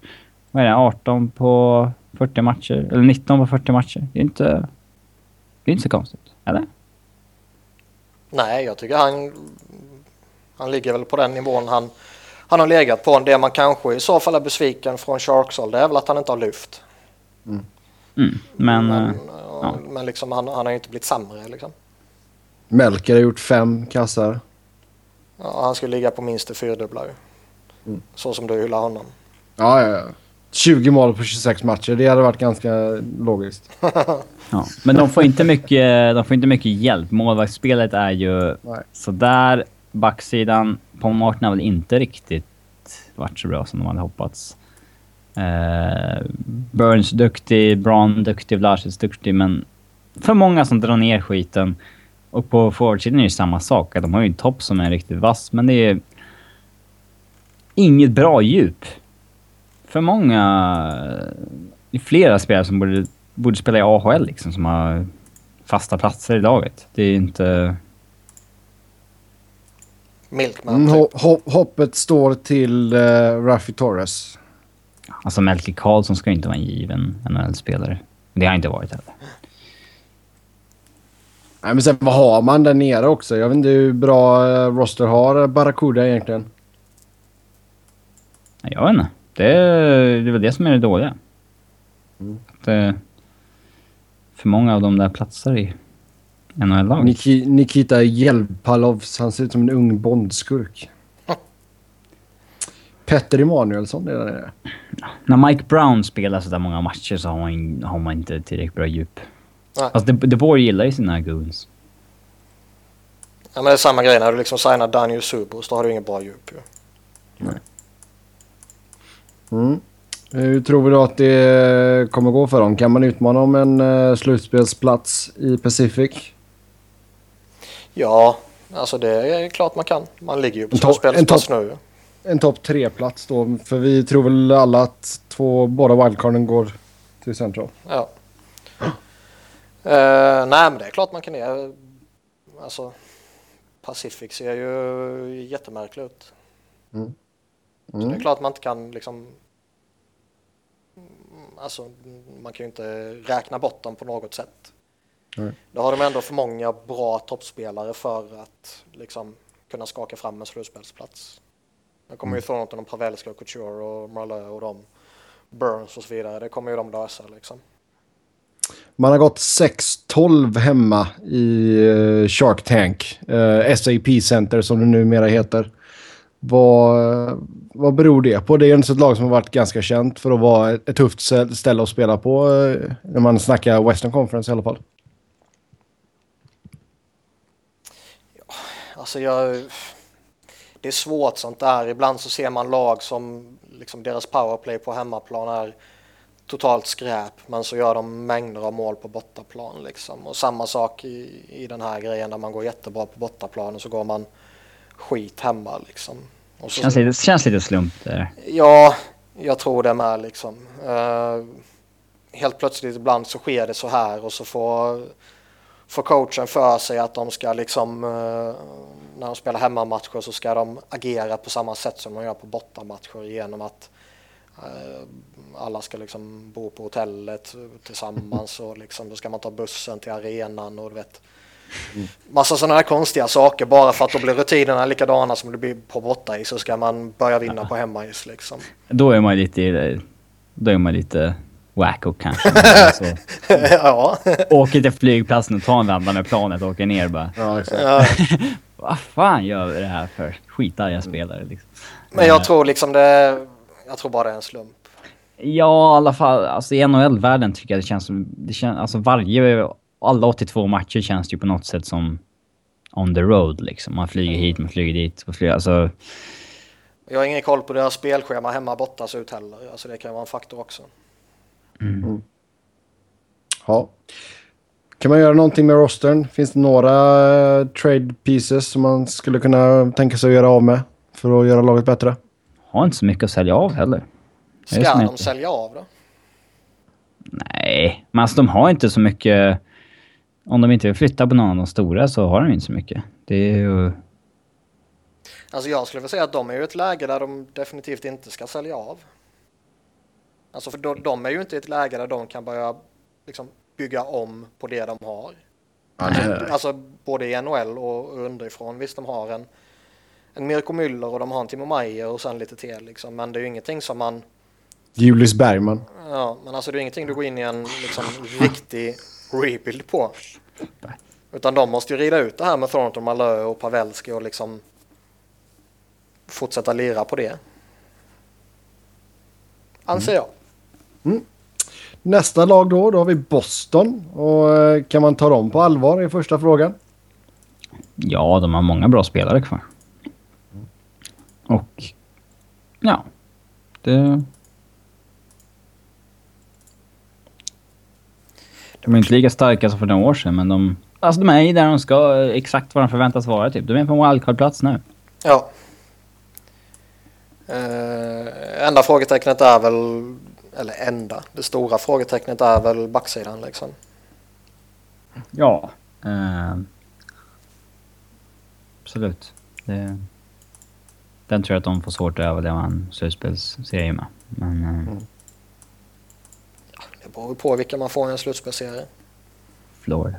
Ja, ja. Mm. Eh, underskattade vi Don Sweeney när han tog över? Nej. Nej. Alltså Riley Smith, Jamie Hayes-traden är väl okej. Men det är fortfarande... oavsett om man tycker att Åke Hamilton är överskattad eller inte så är det liksom så jävla absurd tanke att flytta på den enda... Liksom... Flytta på Sidon Charas arvtagare liksom när backsidan är så jävla nedgången i övrigt. Alltså problemet är väl inte att man flyttar på honom. Problemet är att man inte får ut något för honom. Alltså, alltså säger han att jag är inte intresserad av att fortsätta spela i Boston. Liksom, jag vill bort. Jag vill liksom blä. Då är det ju inte orimligt att trada honom. Mm. Däremot så ska liksom tradar du Doggy Hamilton så ska du ju få hans ersättare. Man är ju inte frisk om man slänger upp ett draftval för Zach Ronaldo och sådär. Nej, Det, är- Nej det var, det var inget sjunde, det var inte sjunde rundsval här. Det var ett third rounder. Ja. Ja. Hur ser vi på eh, Louis Eriksson? Just nu ligger han tvåa i den interna poängligan. Sitter på utgående kontrakt. Vad tror vi händer Lägger, med... du, lägger du till någonting i körschemat här som inte står med? Ja. Japp. Fan, för Vi fick svenska en, eh, podden. Ja, Fick en fråga av eh, Tobias i chatten. jaha. Mm. Eh, han har gjort en uh, riktigt bra säsong faktiskt. Det, Jävligt märkligt det här att spelare på kontraktsår helt plötsligt börjar producera. Mm, det har jag aldrig sett det hända förut. Det ser bra ut när de har sett halvdana ut tidigare. Liksom. ja, han är fortfarande på väg neråt, men han gör ju sin bästa säsong på länge. Mm. Han bör ju ha många år kvar. Eller ett gäng år kvar i alla fall. Han är ju inte så gammal. Eh, så att... Jag tycker att det borde finnas någonting kvar där. Ja, Han har ju ett stort kontrakt kvar i sig. Ja. Det är ju det han kommer få nu och det är ju det han spelar till sig om han fortsätter så här. Frågan är väl bara om han får det i Boston. mm, jag vet inte. Jag vet väl inte riktigt. Eh... Det känns som att han mycket väl kan testa marknaden. Ja, absolut. Känns inte som han har passat in i Boston överhuvudtaget egentligen. Nej, alltså det beror väl lite på. Sen han har ju familj och grejer också så han vill ju säkert inte... Han kanske inte är så jättesugen på att bli tradad någon annanstans nu. Nu vet inte jag ifall han har några... Ska vi se hur hans kontrakt ser ut. Han har en no trade clause har han. No trade clause. Mm. Har Santa Claus en no trade clause? En, en klausul! Ehm, så ja, jag vet inte, han vill ju säga, alltså jag tror inte han skulle ha någonting emot stand i Boston. Det tror jag inte, men frågan är om de är redo att punga upp pengarna. Eller om de vill lägga det på något annat. Mm. För som sagt, jag har inte... Om man tittar på den Boston- traden så... Sweeney borde shoppa honom tycker jag. Försöka få någon vettig winger tillbaka i utbyte. Eh, eventuellt något pick också liksom. Ja, Ja, sen har vi Buffalo. Hur eh, tycker ni att deras rebuild går? Eh, rätt bra. Eh, tycker jag. Man ligger sist i Atlantic, 38 pinnar. Ja, man undrar hur det hade gått om deras målvakt inte hade blivit skadad i första matchen där. Ehm, men... Eh, de har nog... Ja men Jack Eichel ser bra ut, Sam Reinhardt ser bra ut, O'Reilly ser bra ut. Um, Evander Kane ser sådär ut.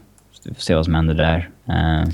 jag känner, alltså det känns lite med tanke på att de har haft skadeproblem på, alltså det är inte bara Lener utan det har varit lite Bogosian och så det har varit lite Ennis och lite eh, Kane varit borta några matcher också. Alltså det, det är svårt att säga något specifikt om Sabres säsong känns det som.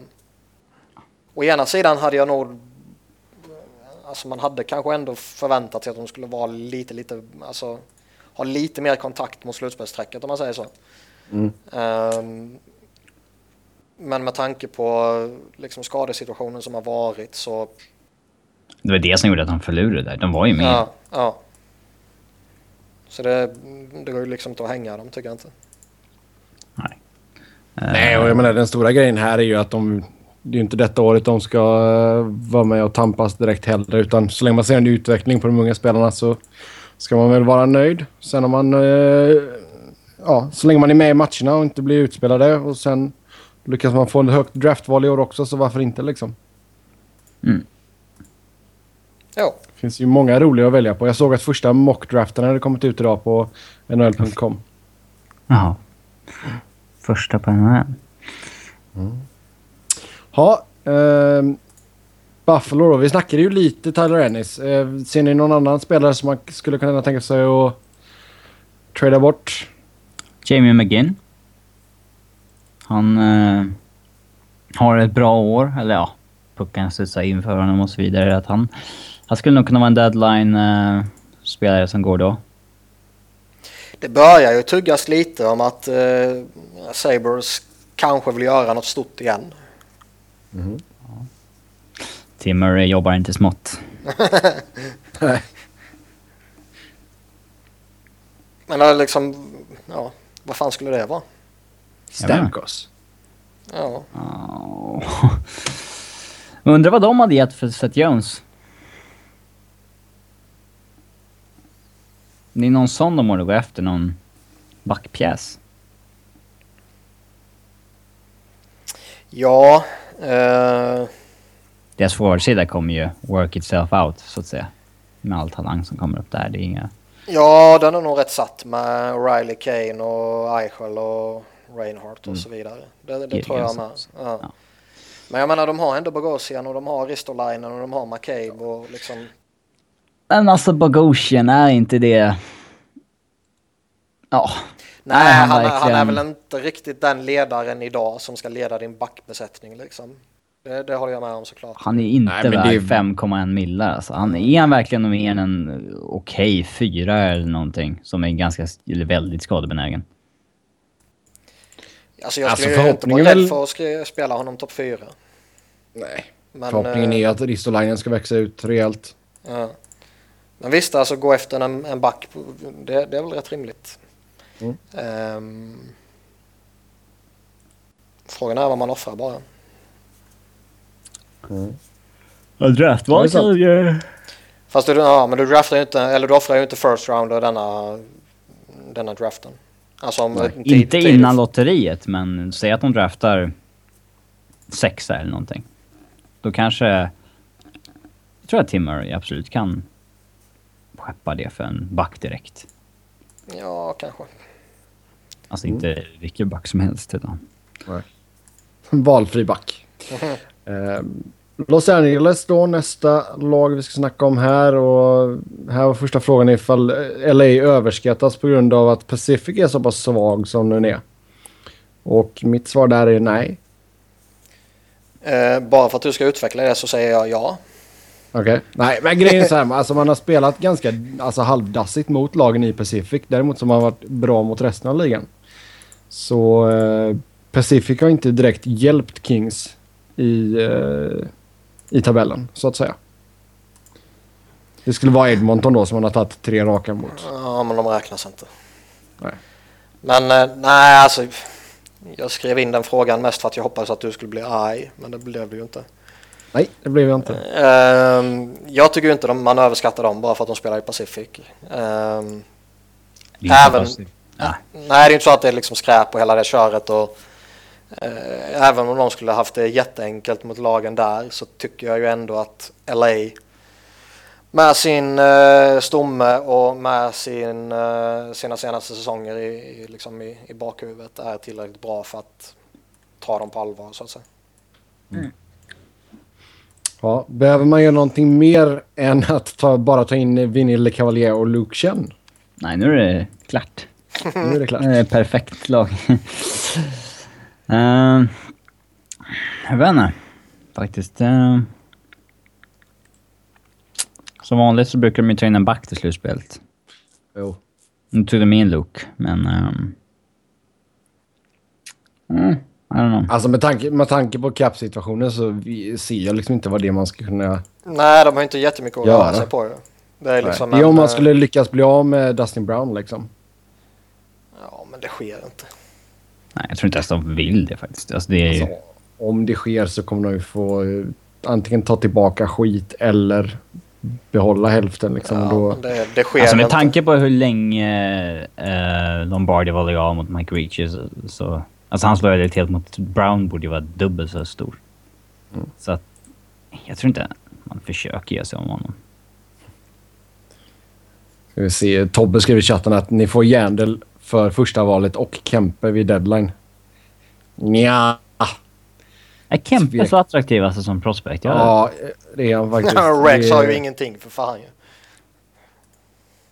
ja. det, eh, eh, Kempe kan bli riktigt bra. Äh, Det kan han. Jag har svårt att se den där Eh. superpotentialen. nej. Skulle han ha superpotentialen så skulle han dominerat i ett JVM. Nu blixtrar han till i någon enstaka situation. Nej men på riktigt. Han är, han är inconsistent på riktigt. Ja. Eh, Vänta bara, sätta med KP så blir det fireworks. Han är överskattad bara för att han är svensk. precis som eh, Robert Hägg. Ja. Han går lite knackigt för va? Han var väl uh, healthy scratch Han, eller? eh, han har varit lite skadad till och från har jag för mig. Ja, det var en ehm, bra, passande ursäkt. Alltså jag, jag har inte sett så jag har ingen aning. Jag kan inte uttala mig om honom. Det, Men det har inte är väl att... väntat där i alla fall. Senaste. Nej, alltså rent krasst så hade man väl kanske hoppats att han skulle testat på NHL i, du vet, någon skada här och där liksom. Ehm, sen samtidigt så har man ju liksom Även om alla backar inte är jättebra så är det ändå väldigt många backar före honom i hierarkin. Ja, nu ska vi inte snacka flyers. Jag vet att LA och flyers gör många deals, men eh, nu ska vi snacka LA här. Ja, jag svarar på en Eh. fråga från Robin. Ja, jag vet, jag vet. Vi, vi var inne lite på det förut, men eh, den sista frågan här då, är man fortfarande en fullskalig contender? Ja, har vi ju redan svarat på den frågan. Ja. Och sista laget då innan vi går in på lyssnarfrågorna den här veckan så eh, är det Ottawas tur. Och hur ser vi på deras säsong eh, slash tabellplacering just nu? Han ligger sexa i Atlantic med 46 pinnar. Rimligt. Väldigt dåligt lag som eh, bärs upp från att vara sämst i ligan av en väldigt bra ung core med Erik Karlsson i spetsen. Uh, så får vi se om de kan bära dem till något som hände i fjol. Mm, jag vet inte. Uh, men liksom, det är bara... att- De har ju sånt gap mellan sina... Eller sånt glapp mellan sina, sina bästa spelare och sina sämsta. Liksom, titta när Erik Karlsson spelar ihop med Mark Borgovecki eller eh, Jared Cowan en match. Det är ju liksom helt absurt. Eh, och... Och sen Chris mer- Neal framför honom. Ja. Eh, ja. Och en superspelare i Mike Hoffman som de verkar typ tro är en jävla third liner som de är tveksamma till om de ska betala pengar eller inte. Eh, Mark Stone riktigt bra, Carl Turris riktigt bra. Zibanejad riktigt bra men resten är ju skit som de bara släpar med sig. Bobby Ryan är ju, han kan ju handla his own såklart men även om traden i sig kanske inte har varit så lyckad men eh, Eh, så här brukar lag se ut när en GM har varit väldigt dålig. Eh, de har scoutat riktigt bra, draftat bra, men allt som ska signas runt kåren har varit skit. Och det är... Så går det om man har en dålig general manager, tycker jag. Ja. Mm. Ja, tänk vad Erik Karlsson hade kunnat uträtta i ett ordentligt topplag. Mm. Eller i... Eh, ja, jag vet inte.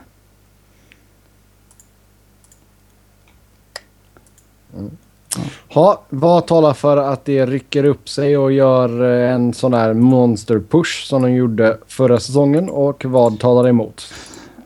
talar Allting emot talar är att, för att de inte är så bra helt enkelt. Det som talar för är väl att de vet att de gjorde det i fjol. Att det förmodligen finns någon form av tro på det. Men... eh, Men man kan inte göra det två år i ja, rad man vinner inte lotteriet två gånger i rad. säga. förutom om man inte har Edmonton. Ja, det är lotteriet. Ja. Det finns ingen målvakt man kan lyfta upp från typ eh, ECHL eller någonting. Som har ett namn som är någorlunda likt hamburgare så att man kan göra en grej på det. Exakt. Eh, han är faktiskt varit lite bättre än väntat i år. Han var ju klappkass verkligen i fjol där efter all hypen av sig. Såg man ju liksom, vad är det här för målvakt? Han är ju inte... Ja. Men ja, han har varit helt okej. Mm. Ehm, Men hur tror vi på deras slutspelchanser? dåliga. För många dåliga spelare som drar ner det där. Jag tror inte de har en bra coach heller. De... Nej. Där har vi det. Eh, veckans headline är Robin fördömer Ottawa. Nej, Fördömer. Sparka på den cancersjuka Murray. Vi går in på lyssnarfrågorna och eh, första frågan vi fick in här var hur ser vi på Viaplays prishöjning och så vidare. Ehm, ni, kan ni berätta exakt hur strukturen ser ut här nu? Jag såg att det blev en ganska saftig höjning. Ja det har väl slängts upp till att antingen kostar 400 spänn i månaden eller kostar 450 beroende på om du vill ha filmpaket eller inte. Om jag fattar saken rätt. För min del personligen så bryr jag mig inte för jag har ju... Jag signade Du var ju lite låst. Ja, jag signade i begynnelsen och då blev man ju garanterad samma pris vad som än skulle ske. Så jag pröjsar ju 199 i månaden eh, fram till de bryter den dealen på något sätt och då kommer det väl ta hus i helvete. Ja, då stämmer det dem helt enkelt. Ja, men, men liksom, Växnet gånger tio. ja. men alltså grejen är att jag förstår ju verkligen inte hur folk kan bli chockade av det här. Alltså när, när man De har ju köpt upp allt. De har köpt upp Det- allt. De har liksom, dels har de väl OS och hela det här köret. Bara det kostar ju hur mycket som helst ju. Och La Liga och Serie A på det och sen förlänga Premier League och så har de Champions League och NHL och så har de massa andra suspekta sporter som eh, sådana här eh, hoppa och sparka på varandra. Är, det, är det UFC du menar? Ja, jävla trams är det. Ja. Men, Nej, men liksom grejer. massa sådana grejer och liksom bunta ihop allt det på ett ställe så kan jag ju inte säga det är orimligt att det kostar 400 spänn liksom. Nej, har Det- man sport som som- sitt största intresse så... eh, Att lägga 400 spänn i månaden på det för att få allt tycker jag inte är särskilt absurt egentligen. Alltså det, Eh, det, Det som som jag, jag kan... tycker är jävligt dåligt däremot Ja. det är ju den eh, snikenheten och den snålheten och den totala nonchalansen mot eh, kunderna att man inte erbjuder fler paket. Jo, det var det jag tänkte komma till. Alltså att man inte kan få plocka och välja lite vad det är man vill ha. Alltså, För jag jag- liksom, jag- jag kan det kan ju- vara sådana som ger blanka fan i filmer och tv-serier. Ehm, Ja, och liksom jag skit, alltså jag tittar inte på Serie A, jag tittar inte på den här jävla UFC eller vad fan det heter. nej, du borde inte kunna, du borde kunna ka ner det 50 spänn genom att klippa vissa saker. Ja, de har borde inte kunna, UFC enligt Tobbe. Ja, men de har något sånt jävla skit, men det kanske bara är ja. enstaka grejer. Jag vet att så. sänder något sånt i alla fall. Men oavsett, och de har ju någon jävla Motor ra- racing där, ja. liksom. Det skiter jag ju heligt i. Liksom. Golf också. Ja. Jävla pensionärssport. Ja, det kan, det kan vara skoj att spela, men för fan att titta på det. Usch. Det är minigolf roligare att titta på. Ja, Nej, jag, tycker, jag, ju tycker lite, jag tycker det är lite konstigt ändå att vi nu är vi 2016 och du kan inte skräddarsy ditt eget paket. Det, det känns lite B faktiskt. ja. Och sen att det är en som... Alltså visst att det skulle bli en höjning, det kan jag köpa när man köper på sig alla de här rättigheterna. Men alltså det är ju ingen liten höjning direkt. Men alltså de som redan har 70%. signat borde det inte höjas för. Precis som för... Det höjs ju inte för Niklas, det borde inte höjas för de som signade förra veckan heller. Men... Eh, de kom, Alltså det de, alltså, vara någonting finstilta. Nej men grejen, ja men så var det ju när man skrev det i början. Då liksom signar du upp dig nu inom de första veckorna typ så kommer du alltid betala det här priset. Men sen kommer de väl på att men fan tänk om några år när vi kanske har värvat in jä- jättemånga saker. Alltså då kan vi inte ha massa folk som sitter och betalar jättelite för våra abonnemang. Så då har de ju skippat den där grejen liksom. Och det har ju kommit, alltså det här är ju inte första prishöjningen liksom utan det har ju höjt successivt för varje år typ. Eller någon gång varannat år eller sånt här. Men då har det ju bara varit liksom ja, nu höjer vi från 249 till 279 typ liksom.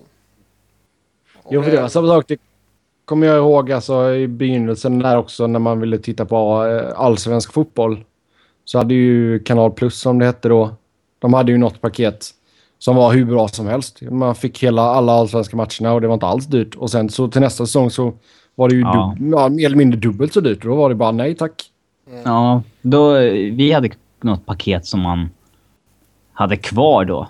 Alltså vi betalade jätte, jättelite för, för Allsvenskan på More då, kommer jag ihåg, i flera år innan de... För att vi hade signat för flera, flera år sedan då. Men eh, jag minns inte om det är så nu fortfarande. Nu kostar det ju nästan tusen spänn i månaden att ha More och via, Viasat-paketen Ja, på det- TV. Eh, och jämfört med det så är det ju Viaplay väldigt, väldigt prisvärt. Så jag tycker inte att det är så... Visst, det är irriterande för folk att få en höjning, men det är ju samtidigt... Ja, och sen alltså speciellt för de som bara bryr sig om en sport. Alltså om Ja, du tänk- bara tänk är liksom- insnöad på NHL liksom. Ja, men tänker man om jag bara, jag skiter i all fotboll som finns och jag skiter i serier och Golf. filmer och all annat idrott. Jag vill bara titta på NHL liksom. Kul kille. Ja, men- ja men det finns ju sådana. Eller jag vill bara titta på Premier League. Eller jag vill bara titta på Serie A liksom.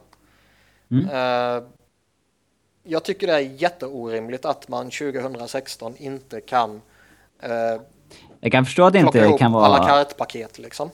Ja, det borde, jag kan förstå att det inte är sådär att man eh, kan välja att bara köpa en liga för så här 20 spänn. Utan att det kan vara någon form av golv på att okej, det kommer minst kosta 149. Sen så Jo, kan, men du kan ha Jo, fotbollspaketet eller liksom... Du får välja hockey, du får välja NHL plus en fotbollsliga för ett pris eller vad det nu kan vara liksom. Ja, alltså e- eller helt enkelt man går in på Viaplay, man säger eller klickar på köpknappen liksom och så där står allt de har. De har tv-serier, de har filmer, de har La Liga, de har NHL, de har Serie A, de har Premier League, de har Champions League och sen får du klicka i vad du vill ha på ditt konto liksom. Och så måste du välja minst ja, några sådana exakt, grejer. Liksom. eh, exakt det där vi hade när vi skaffade boxer kring millenniumskiftet. Att då valde man åtta favoriter. Ja, Och efter några månader så nej vi byter bort den kanalen mot den kanalen. ja. Ja, och varför kan man inte göra så nu på nätet? Det borde vara mycket smidigare. ja, och det finns ju bara en anledning, det är att de inte vill ju. Nej, man skulle torska för mycket pengar på det. Ja. Alltså de skulle torska för mycket pengar. Alltså med tanke på det här, alltså via, via playen så köpte upp så jäkla många rättigheter. Vad finns kvar på eh, More och vad visar Eurosport nu för tiden? Jag har inte kollat på Euro- Eurosport på säkert eh, fem år eller någonting. Eurosport De, har de väl har fått ett uppsving. De har fått ett jävla uppsving va, Eurosport. Jämfört med hur det var för fem år sedan om vi säger så. Har, har de tysk fotboll? Ja. Ja. Sen Eh, har de väl skidåkning och sånt också tror jag. Ja, sen alltså för, för ett gäng år sedan hade de ju bara cykling liksom. Ja. Eh, så Eurosport har fått ett riktigt eh, uppsving. Alltså de är ju respekterade på ett sätt nu som... Ja. Simor kommer ju eh, även, ja, liksom, de har ju den svenska idrotten, de har ju svensk hockey och svensk fotboll liksom. Och det tror jag de kommer klara sig helt okej på. Men Jävlar vad de har Eh. tappat. ja, de har tappat mycket. Ja. Eh, som sagt, vi hade väl gärna sett en skräddarsydd lösning i alla fall för det man vill ha. Vad kommer priset vara för Kyle Poso vid deadline? Alternativt vad kommer han att kräva ifall han går till öppna marknaden? Så vi har ju haft den här för någon, några veckor sedan, typ två gånger. ja, jag är trött på att snacka om Kyle Pose. ja. Ehm. Alltså blir han tillgänglig så tror jag han kommer kosta rätt mycket för han sitter ju på ett bra kontrakt. Alltså billigt kontrakt om man säger så, förhållandevis billigt. Ehm. däremot liksom varför skulle de inte förlänga med honom? Ja, det vet jag inte. Alltså är han frisk och kry så gör han ju 25 baljor typ. Men de brukar inte förlänga med de som brukar funka bredvid Tavares. Nej, i och för sig. Ja. Men om man går till öppna marknaden då? Sex och en halv. Ja. Uh, ska vi se. Nästa fråga då. Finns det något ni tycker att hockeyn borde ta efter fotbollen och vice versa? Ja, linjemännen borde ha en flagga.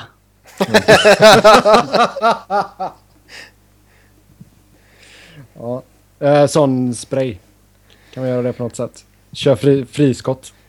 Fotbollen borde ju ta efter slagsmålen. Ja. Fatta vad absurt det är. Att alltså, om det hade varit så okej okay i andra sporter. Det är bara hockey. Det är egentligen helt sjukt att det är okej okay i hockey. Ja. Jämfört med andra... Ja.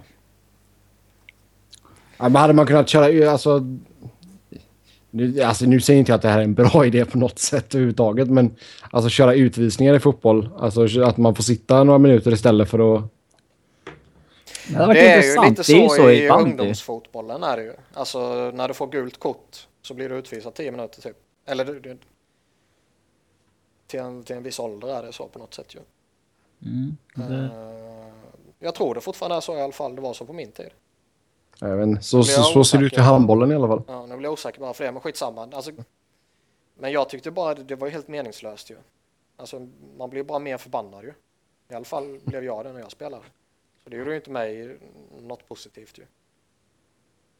Nu sitter du här i fem minuter Niklas och så tänker du efter för vad du har gjort. Ja, helt meningslöst. Man bara skällde ännu mer på domaren. Mm. Men, men liksom, så, nej det tror jag inte är bra för fotboll. Um,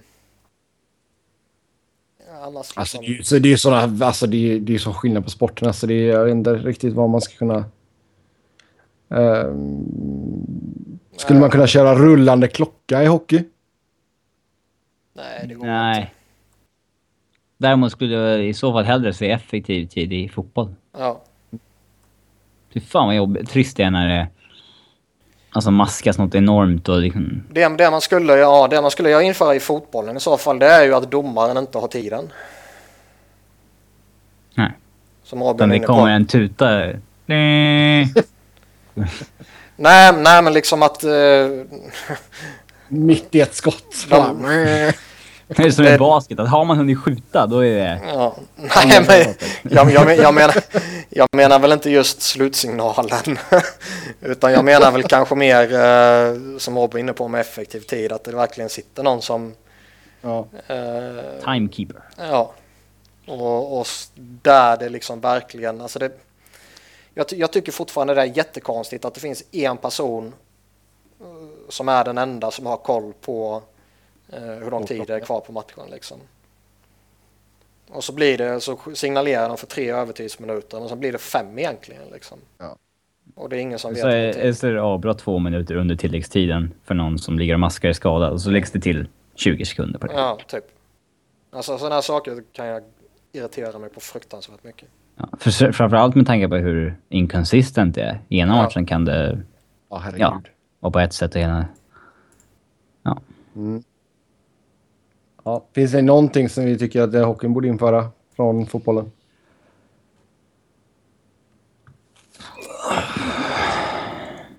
Nej, ingenting på, så här på rak arm. Nej.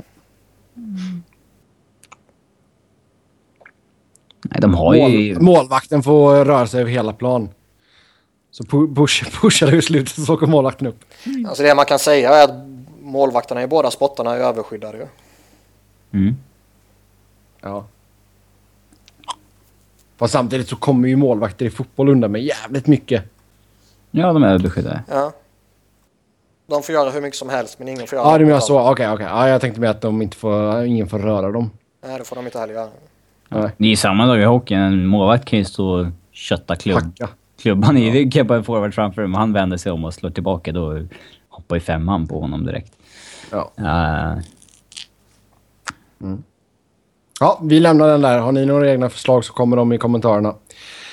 Vad tror ni Avs vill göra? Friedman säger att det var hårt inne på Johansen, men vad tror ni att det går efter nu? Vi bakar in alla Avs-grejerna här nu också så får Robin verkligen prata av sig. Man har 45 eh, poäng, samma som Preds. Uh, gått ganska bra här nu på det sista, trots att man har haft lite problem på backsidan, alltså med spelare som var borta. Uh, och sen ska, ska du få ge din syn på Carl Söderberg som har gjort 29 poäng på 43 matcher. Fan vad mycket Avs det blev. Jag Ja. tror inte de har något stort på gång så. Eh, Att, eh, jag tror de... Jag tror de är en management group som ringer och hör så fort någon är tillgänglig någonstans. Jag tror inte att de var liksom hårt inne på Johansson egentligen. Eh, men det verkar som att de... Ja, ringer och hör så fort någon är tillgänglig. Vilket alla borde göra såklart. Eh, men... eh, ah, man vet aldrig med Patrick Raw. Han är så här- Han är lite... Han är crazy som sagt. Man kan, han kan ju få för sig någonting... Att göra någonting... Gå efter Bufflin eller någonting stort liksom. Eh, men jag vet inte, jag vågar... Jag tror inte det. Men samtidigt så... Eh, då har, sommaren har varit här i tre år och inte lyckats åstadkomma så mycket. Då... Eh, O'Reilly-traden var ju ganska forced. Då tror jag att han kanske gör någonting av, på, eh, på egen hand så att säga. Någon större shake-up av något slag. Men... Uh, vet inte. Jag, de gör så mycket ologiska beslut så det är så svårt att se ett mönster av vad som kan hända liksom. Det... eh, men ja. Hur ser du på formen då? 45 poäng på 44 matcher. Eh, De har ju ryckt upp sig rejält. De är precis som i fjol när de var extremt efter efter 10 matcher. Det var ju samma sak i år. Eh, de låg ju på slutspelsplats häromdagen så de har ju ryckt upp sig rejält. Eh, men... Ja. ehm, jag tror deras slutspelschanser är väl kanske 20-30 procent. Eh, Söderberg har varit eh, över förväntan skulle jag säga. Det är fortfarande det sämsta kontraktet som hanterades ut, liksom, eller som gavs ut i somras. Men det är ju mest för att det inte fanns något annat galet riktigt. Eh, men han har gjort det bra i rollen som tvåvägscenter sådär. Eh, framförallt med tanke på att han aldrig haft den rollen förut. Så är jag mycket förvånad över hur väl han har hanterat den. Ja. ja. Hur har Varlamov varit? Ja, helt okej. Eh, Vissa är rätt dumma i huvudet när det kommer till Varlamov och tror att de... De tycker att man kan förvänta sig 93-procentig målvaktsspel för att han har visat att han kan hålla den nivån. Eh, jag tycker väl att man kan få leva med att under en 40 matchers period här och där kan en målvakt hålla en nivå under 91 procent, strax under där och det ska inte vara tillräckligt för att hela laget ska falla ihop för det. Eh, men Avs är ju tyvärr ett lag som är beroende av att man har en målvakt som står på huvudet. För att man blir ju outshot de flesta nä- nätterna. Okej, det var veckans ads wrap-up med eh, Robin. Eh, nu har vi en till uh, lyssnarfråga här. Finns det en marknad för Dan Girardi? Ett förslag som kom in var Girardi mot Bolland och sen att Rangers köper ut Bolland till sommaren. Jag vet inte. Har, har hela ligan kallnat på Gerardi tror ni? Nej, Du tror att det finns någon som tror att han är bra? jag tror det finns en marknad för honom. Det är jag helt övertygad om. Ehm, men alltså in, inte en sån marknad där du... eh, Får något vettigt egentligen. Nej, nej precis. Alltså det... Det handlar ju om marknader och du liksom i så fall byter Girardi mot något likvärdigt. Alltså byt Girardi mot Andrew McDonald liksom. Ja, eller... Man kan nog ge bort honom också. Det tror jag nog kanske någon skulle... Jag tror fortfarande alltså... Tror jag Edmonton skulle ta någon... någon Jag tror, alltså, jag, jag tror att man... eh, Ska, ska du göra det nu så tror jag att eh, liksom rent logiskt behöver du fylla upp liksom, alltså sett till kappsituation. Okej. Så, så tror jag att eh, man behöver ta något tillbaka i så fall. Ehm, men det är en svår sits för jag, alltså, han är svår att förhålla sig till. För å ena sidan är han... Nej. Han är Jo, skitdålig. Ja, jag tänkte säga Direkt det. asdålig. Ja, å ena sidan så är han skitdålig. Skam för hockeyns... Eh, Nej, men å ena sidan så är han skitdålig på jättemånga sätt och vis. Å andra sidan så är han ju, eller kan han vara effektiv i försvaret liksom. Eh, och jag tror det är det som gör att han, att det fortfarande finns en marknad. För de ser liksom den här, han har ju intangibles. ja, Alltså det är, intangibles är ju en riktig grej som man kan ha inte. Han, han verkar ju ha det. Mm. Ehm, men det är ett jävligt kontrakt det där alltså. Fy fan. Tjänar sju Ja. mil i år. Mm. Fyra år kvar efter det här. Nästa fråga. är, tror vi att det kommer ske några fler stora trades alla Johansson den här säsongen? Ja, det kan nog ske. Något med Duran eller något med Stamkos kanske. Eller något med... Eric Stahl. Som vi sa. Ja. Ja. Mm. det känns rätt givet att något kommer ske. Mm. Sen om det blir en... eh, Man kan ju ändå särskilja de här lite för det var väl lite olika situationer. Här är det ju typ två spelare som har utgående kontrakt och som kan lämna gratis. Liksom. Här var det ju ändå en, eh, en annan variant av en blockbuster. Liksom. Ja, vi har ju nämnt lite andra namn också. Tobbe pekar ut här Buff och Jandel och Mm. Shattenkirk. Mm. Så uh, ja, något roligt mer ska vi nog kunna få se. Ja, Sen eh, ska vi se, eh, vad står det här? Trada någon GM för Puljujärvi och Line. det skulle vara skoj om de gör som när... eh, Sedinarna. Ja, precis. Och det är väl... Jag tror inte att det går på samma... Alltså den... eh, Den Så då draftårgången... får du välja typ två, trea. Ja, det är det som krävs. De kommer gå två, tre. Ehm. Jag tror inte... Alltså det... Det var lättare att trada upp för det där förr. Uh, det, då ansågs ju den draften vara väldigt svag också. Sen känns det väl som att ska, ska du göra, alltså, du måste ju ha antingen andra eller tredje valet själv. Uh, ska vi se, nu ska jag bara läsa lite snabbt här. Eh, Mike Morial, han har Puljujärvi som tvåa och Line som fyra. Och sen Adam Kim Kimmelman, han har Puljujärvi tvåa, Line fyra också. Ja. Alltså det är ofta intressant att höra vad så här Craig Button har för mock draft och sånt där. För han har verkligen satt vissa grejer och då vet man att han har hört vissa grejer liksom. Eh, jag kommer ihåg, han satte ju Samuel Moran som 10 till Flyers, eller 11 till Flyers eller vad det var där. Eh, när många hade honom liksom 20-25 på sina listor. Liksom. Mm. Då är ju inte, det sätter ju inte han av en slump. Då har han hört att okej, Flyers kommer ta honom om han är tillgänglig.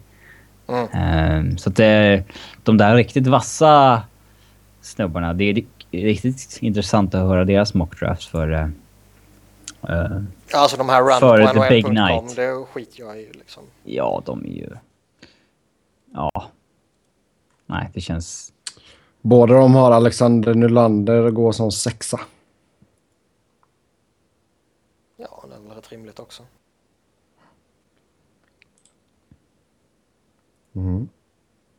Ja, nej som sagt, det blir alltså då får du nog ha två, tre, andra och tredje valet om du ska välja de två. Om du ska vara säker på att få de två tillsammans. Sen nästa fråga. Kommer vi få se Grönborg i NHL? Eh, nej, jag tror inte det.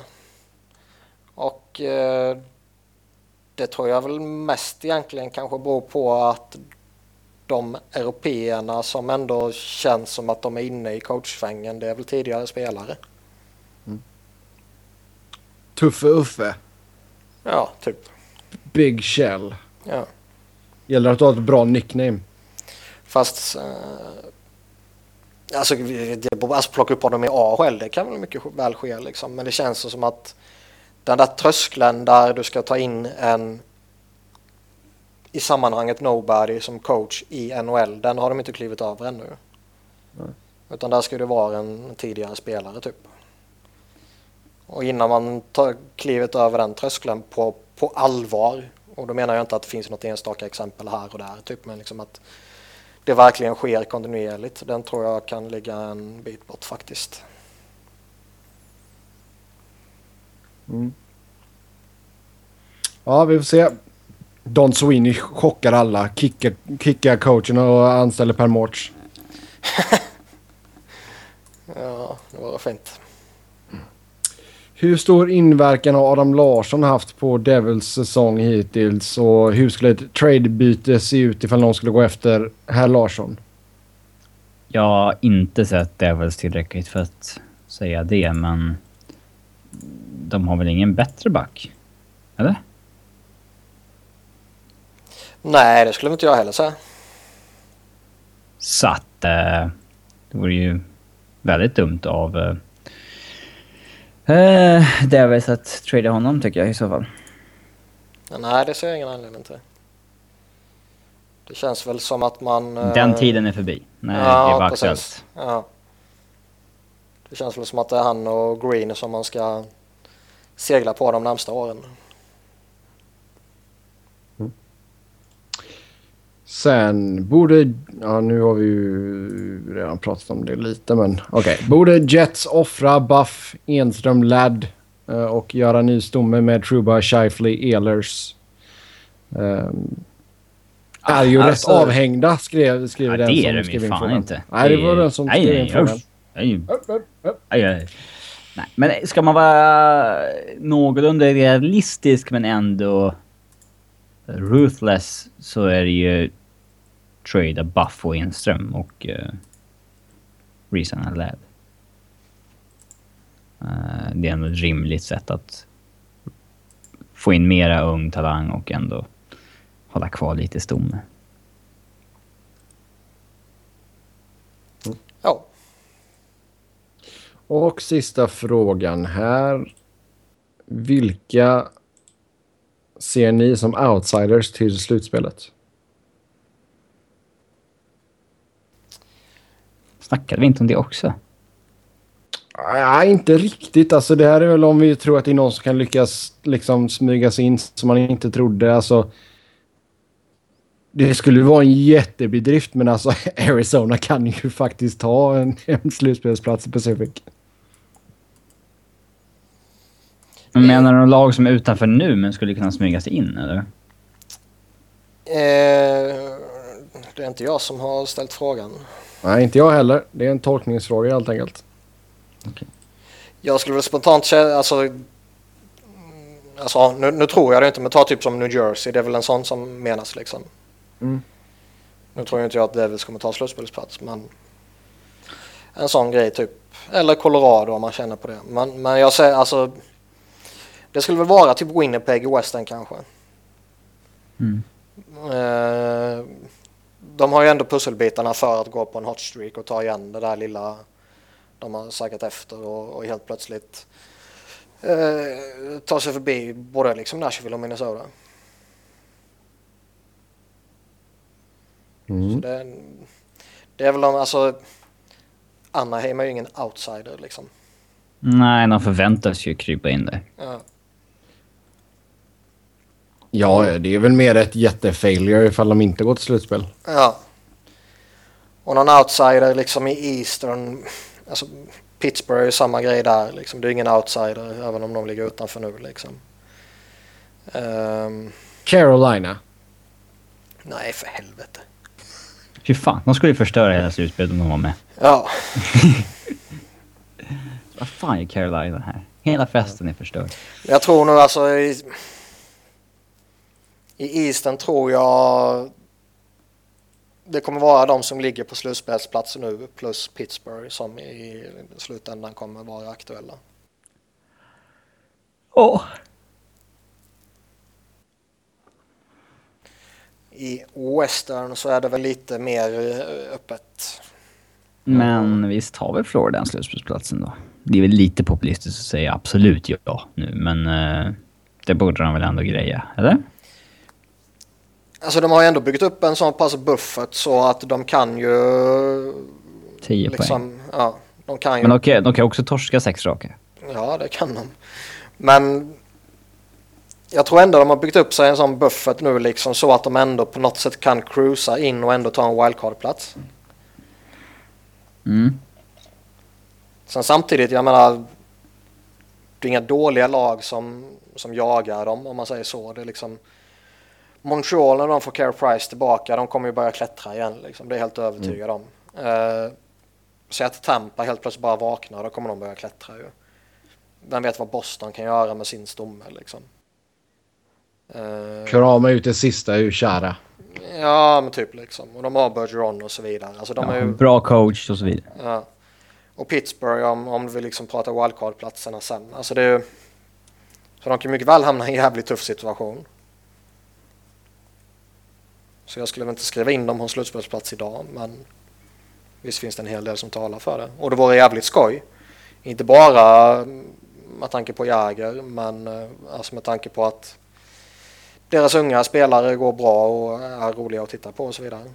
Det tråkiga med att Florida ligger på en slutspelsplats och kanske gör det en bra bit eh, längre till, tid till liksom. Det är ju att möjligheterna att se Jäger hos en contender bör väl vara obefintliga. Mm. Yes. Då tackar vi för oss för den här veckan. Som vanligt så kan ni snacka hockey med oss via Twitter. Mig hittar ni på ett Seb Noren. Niklas hittar ni på ett Niklas Wiberg. Niklas med C och enkel V. Robin hittar ni på R underscore Fredriksson. Som vanligt så tack så jättemycket för alla era lyssnarfrågor. Fortsätt skicka in dem så tar vi upp dem i kommande program. Tills nästa gång. Ha det gött. Hej!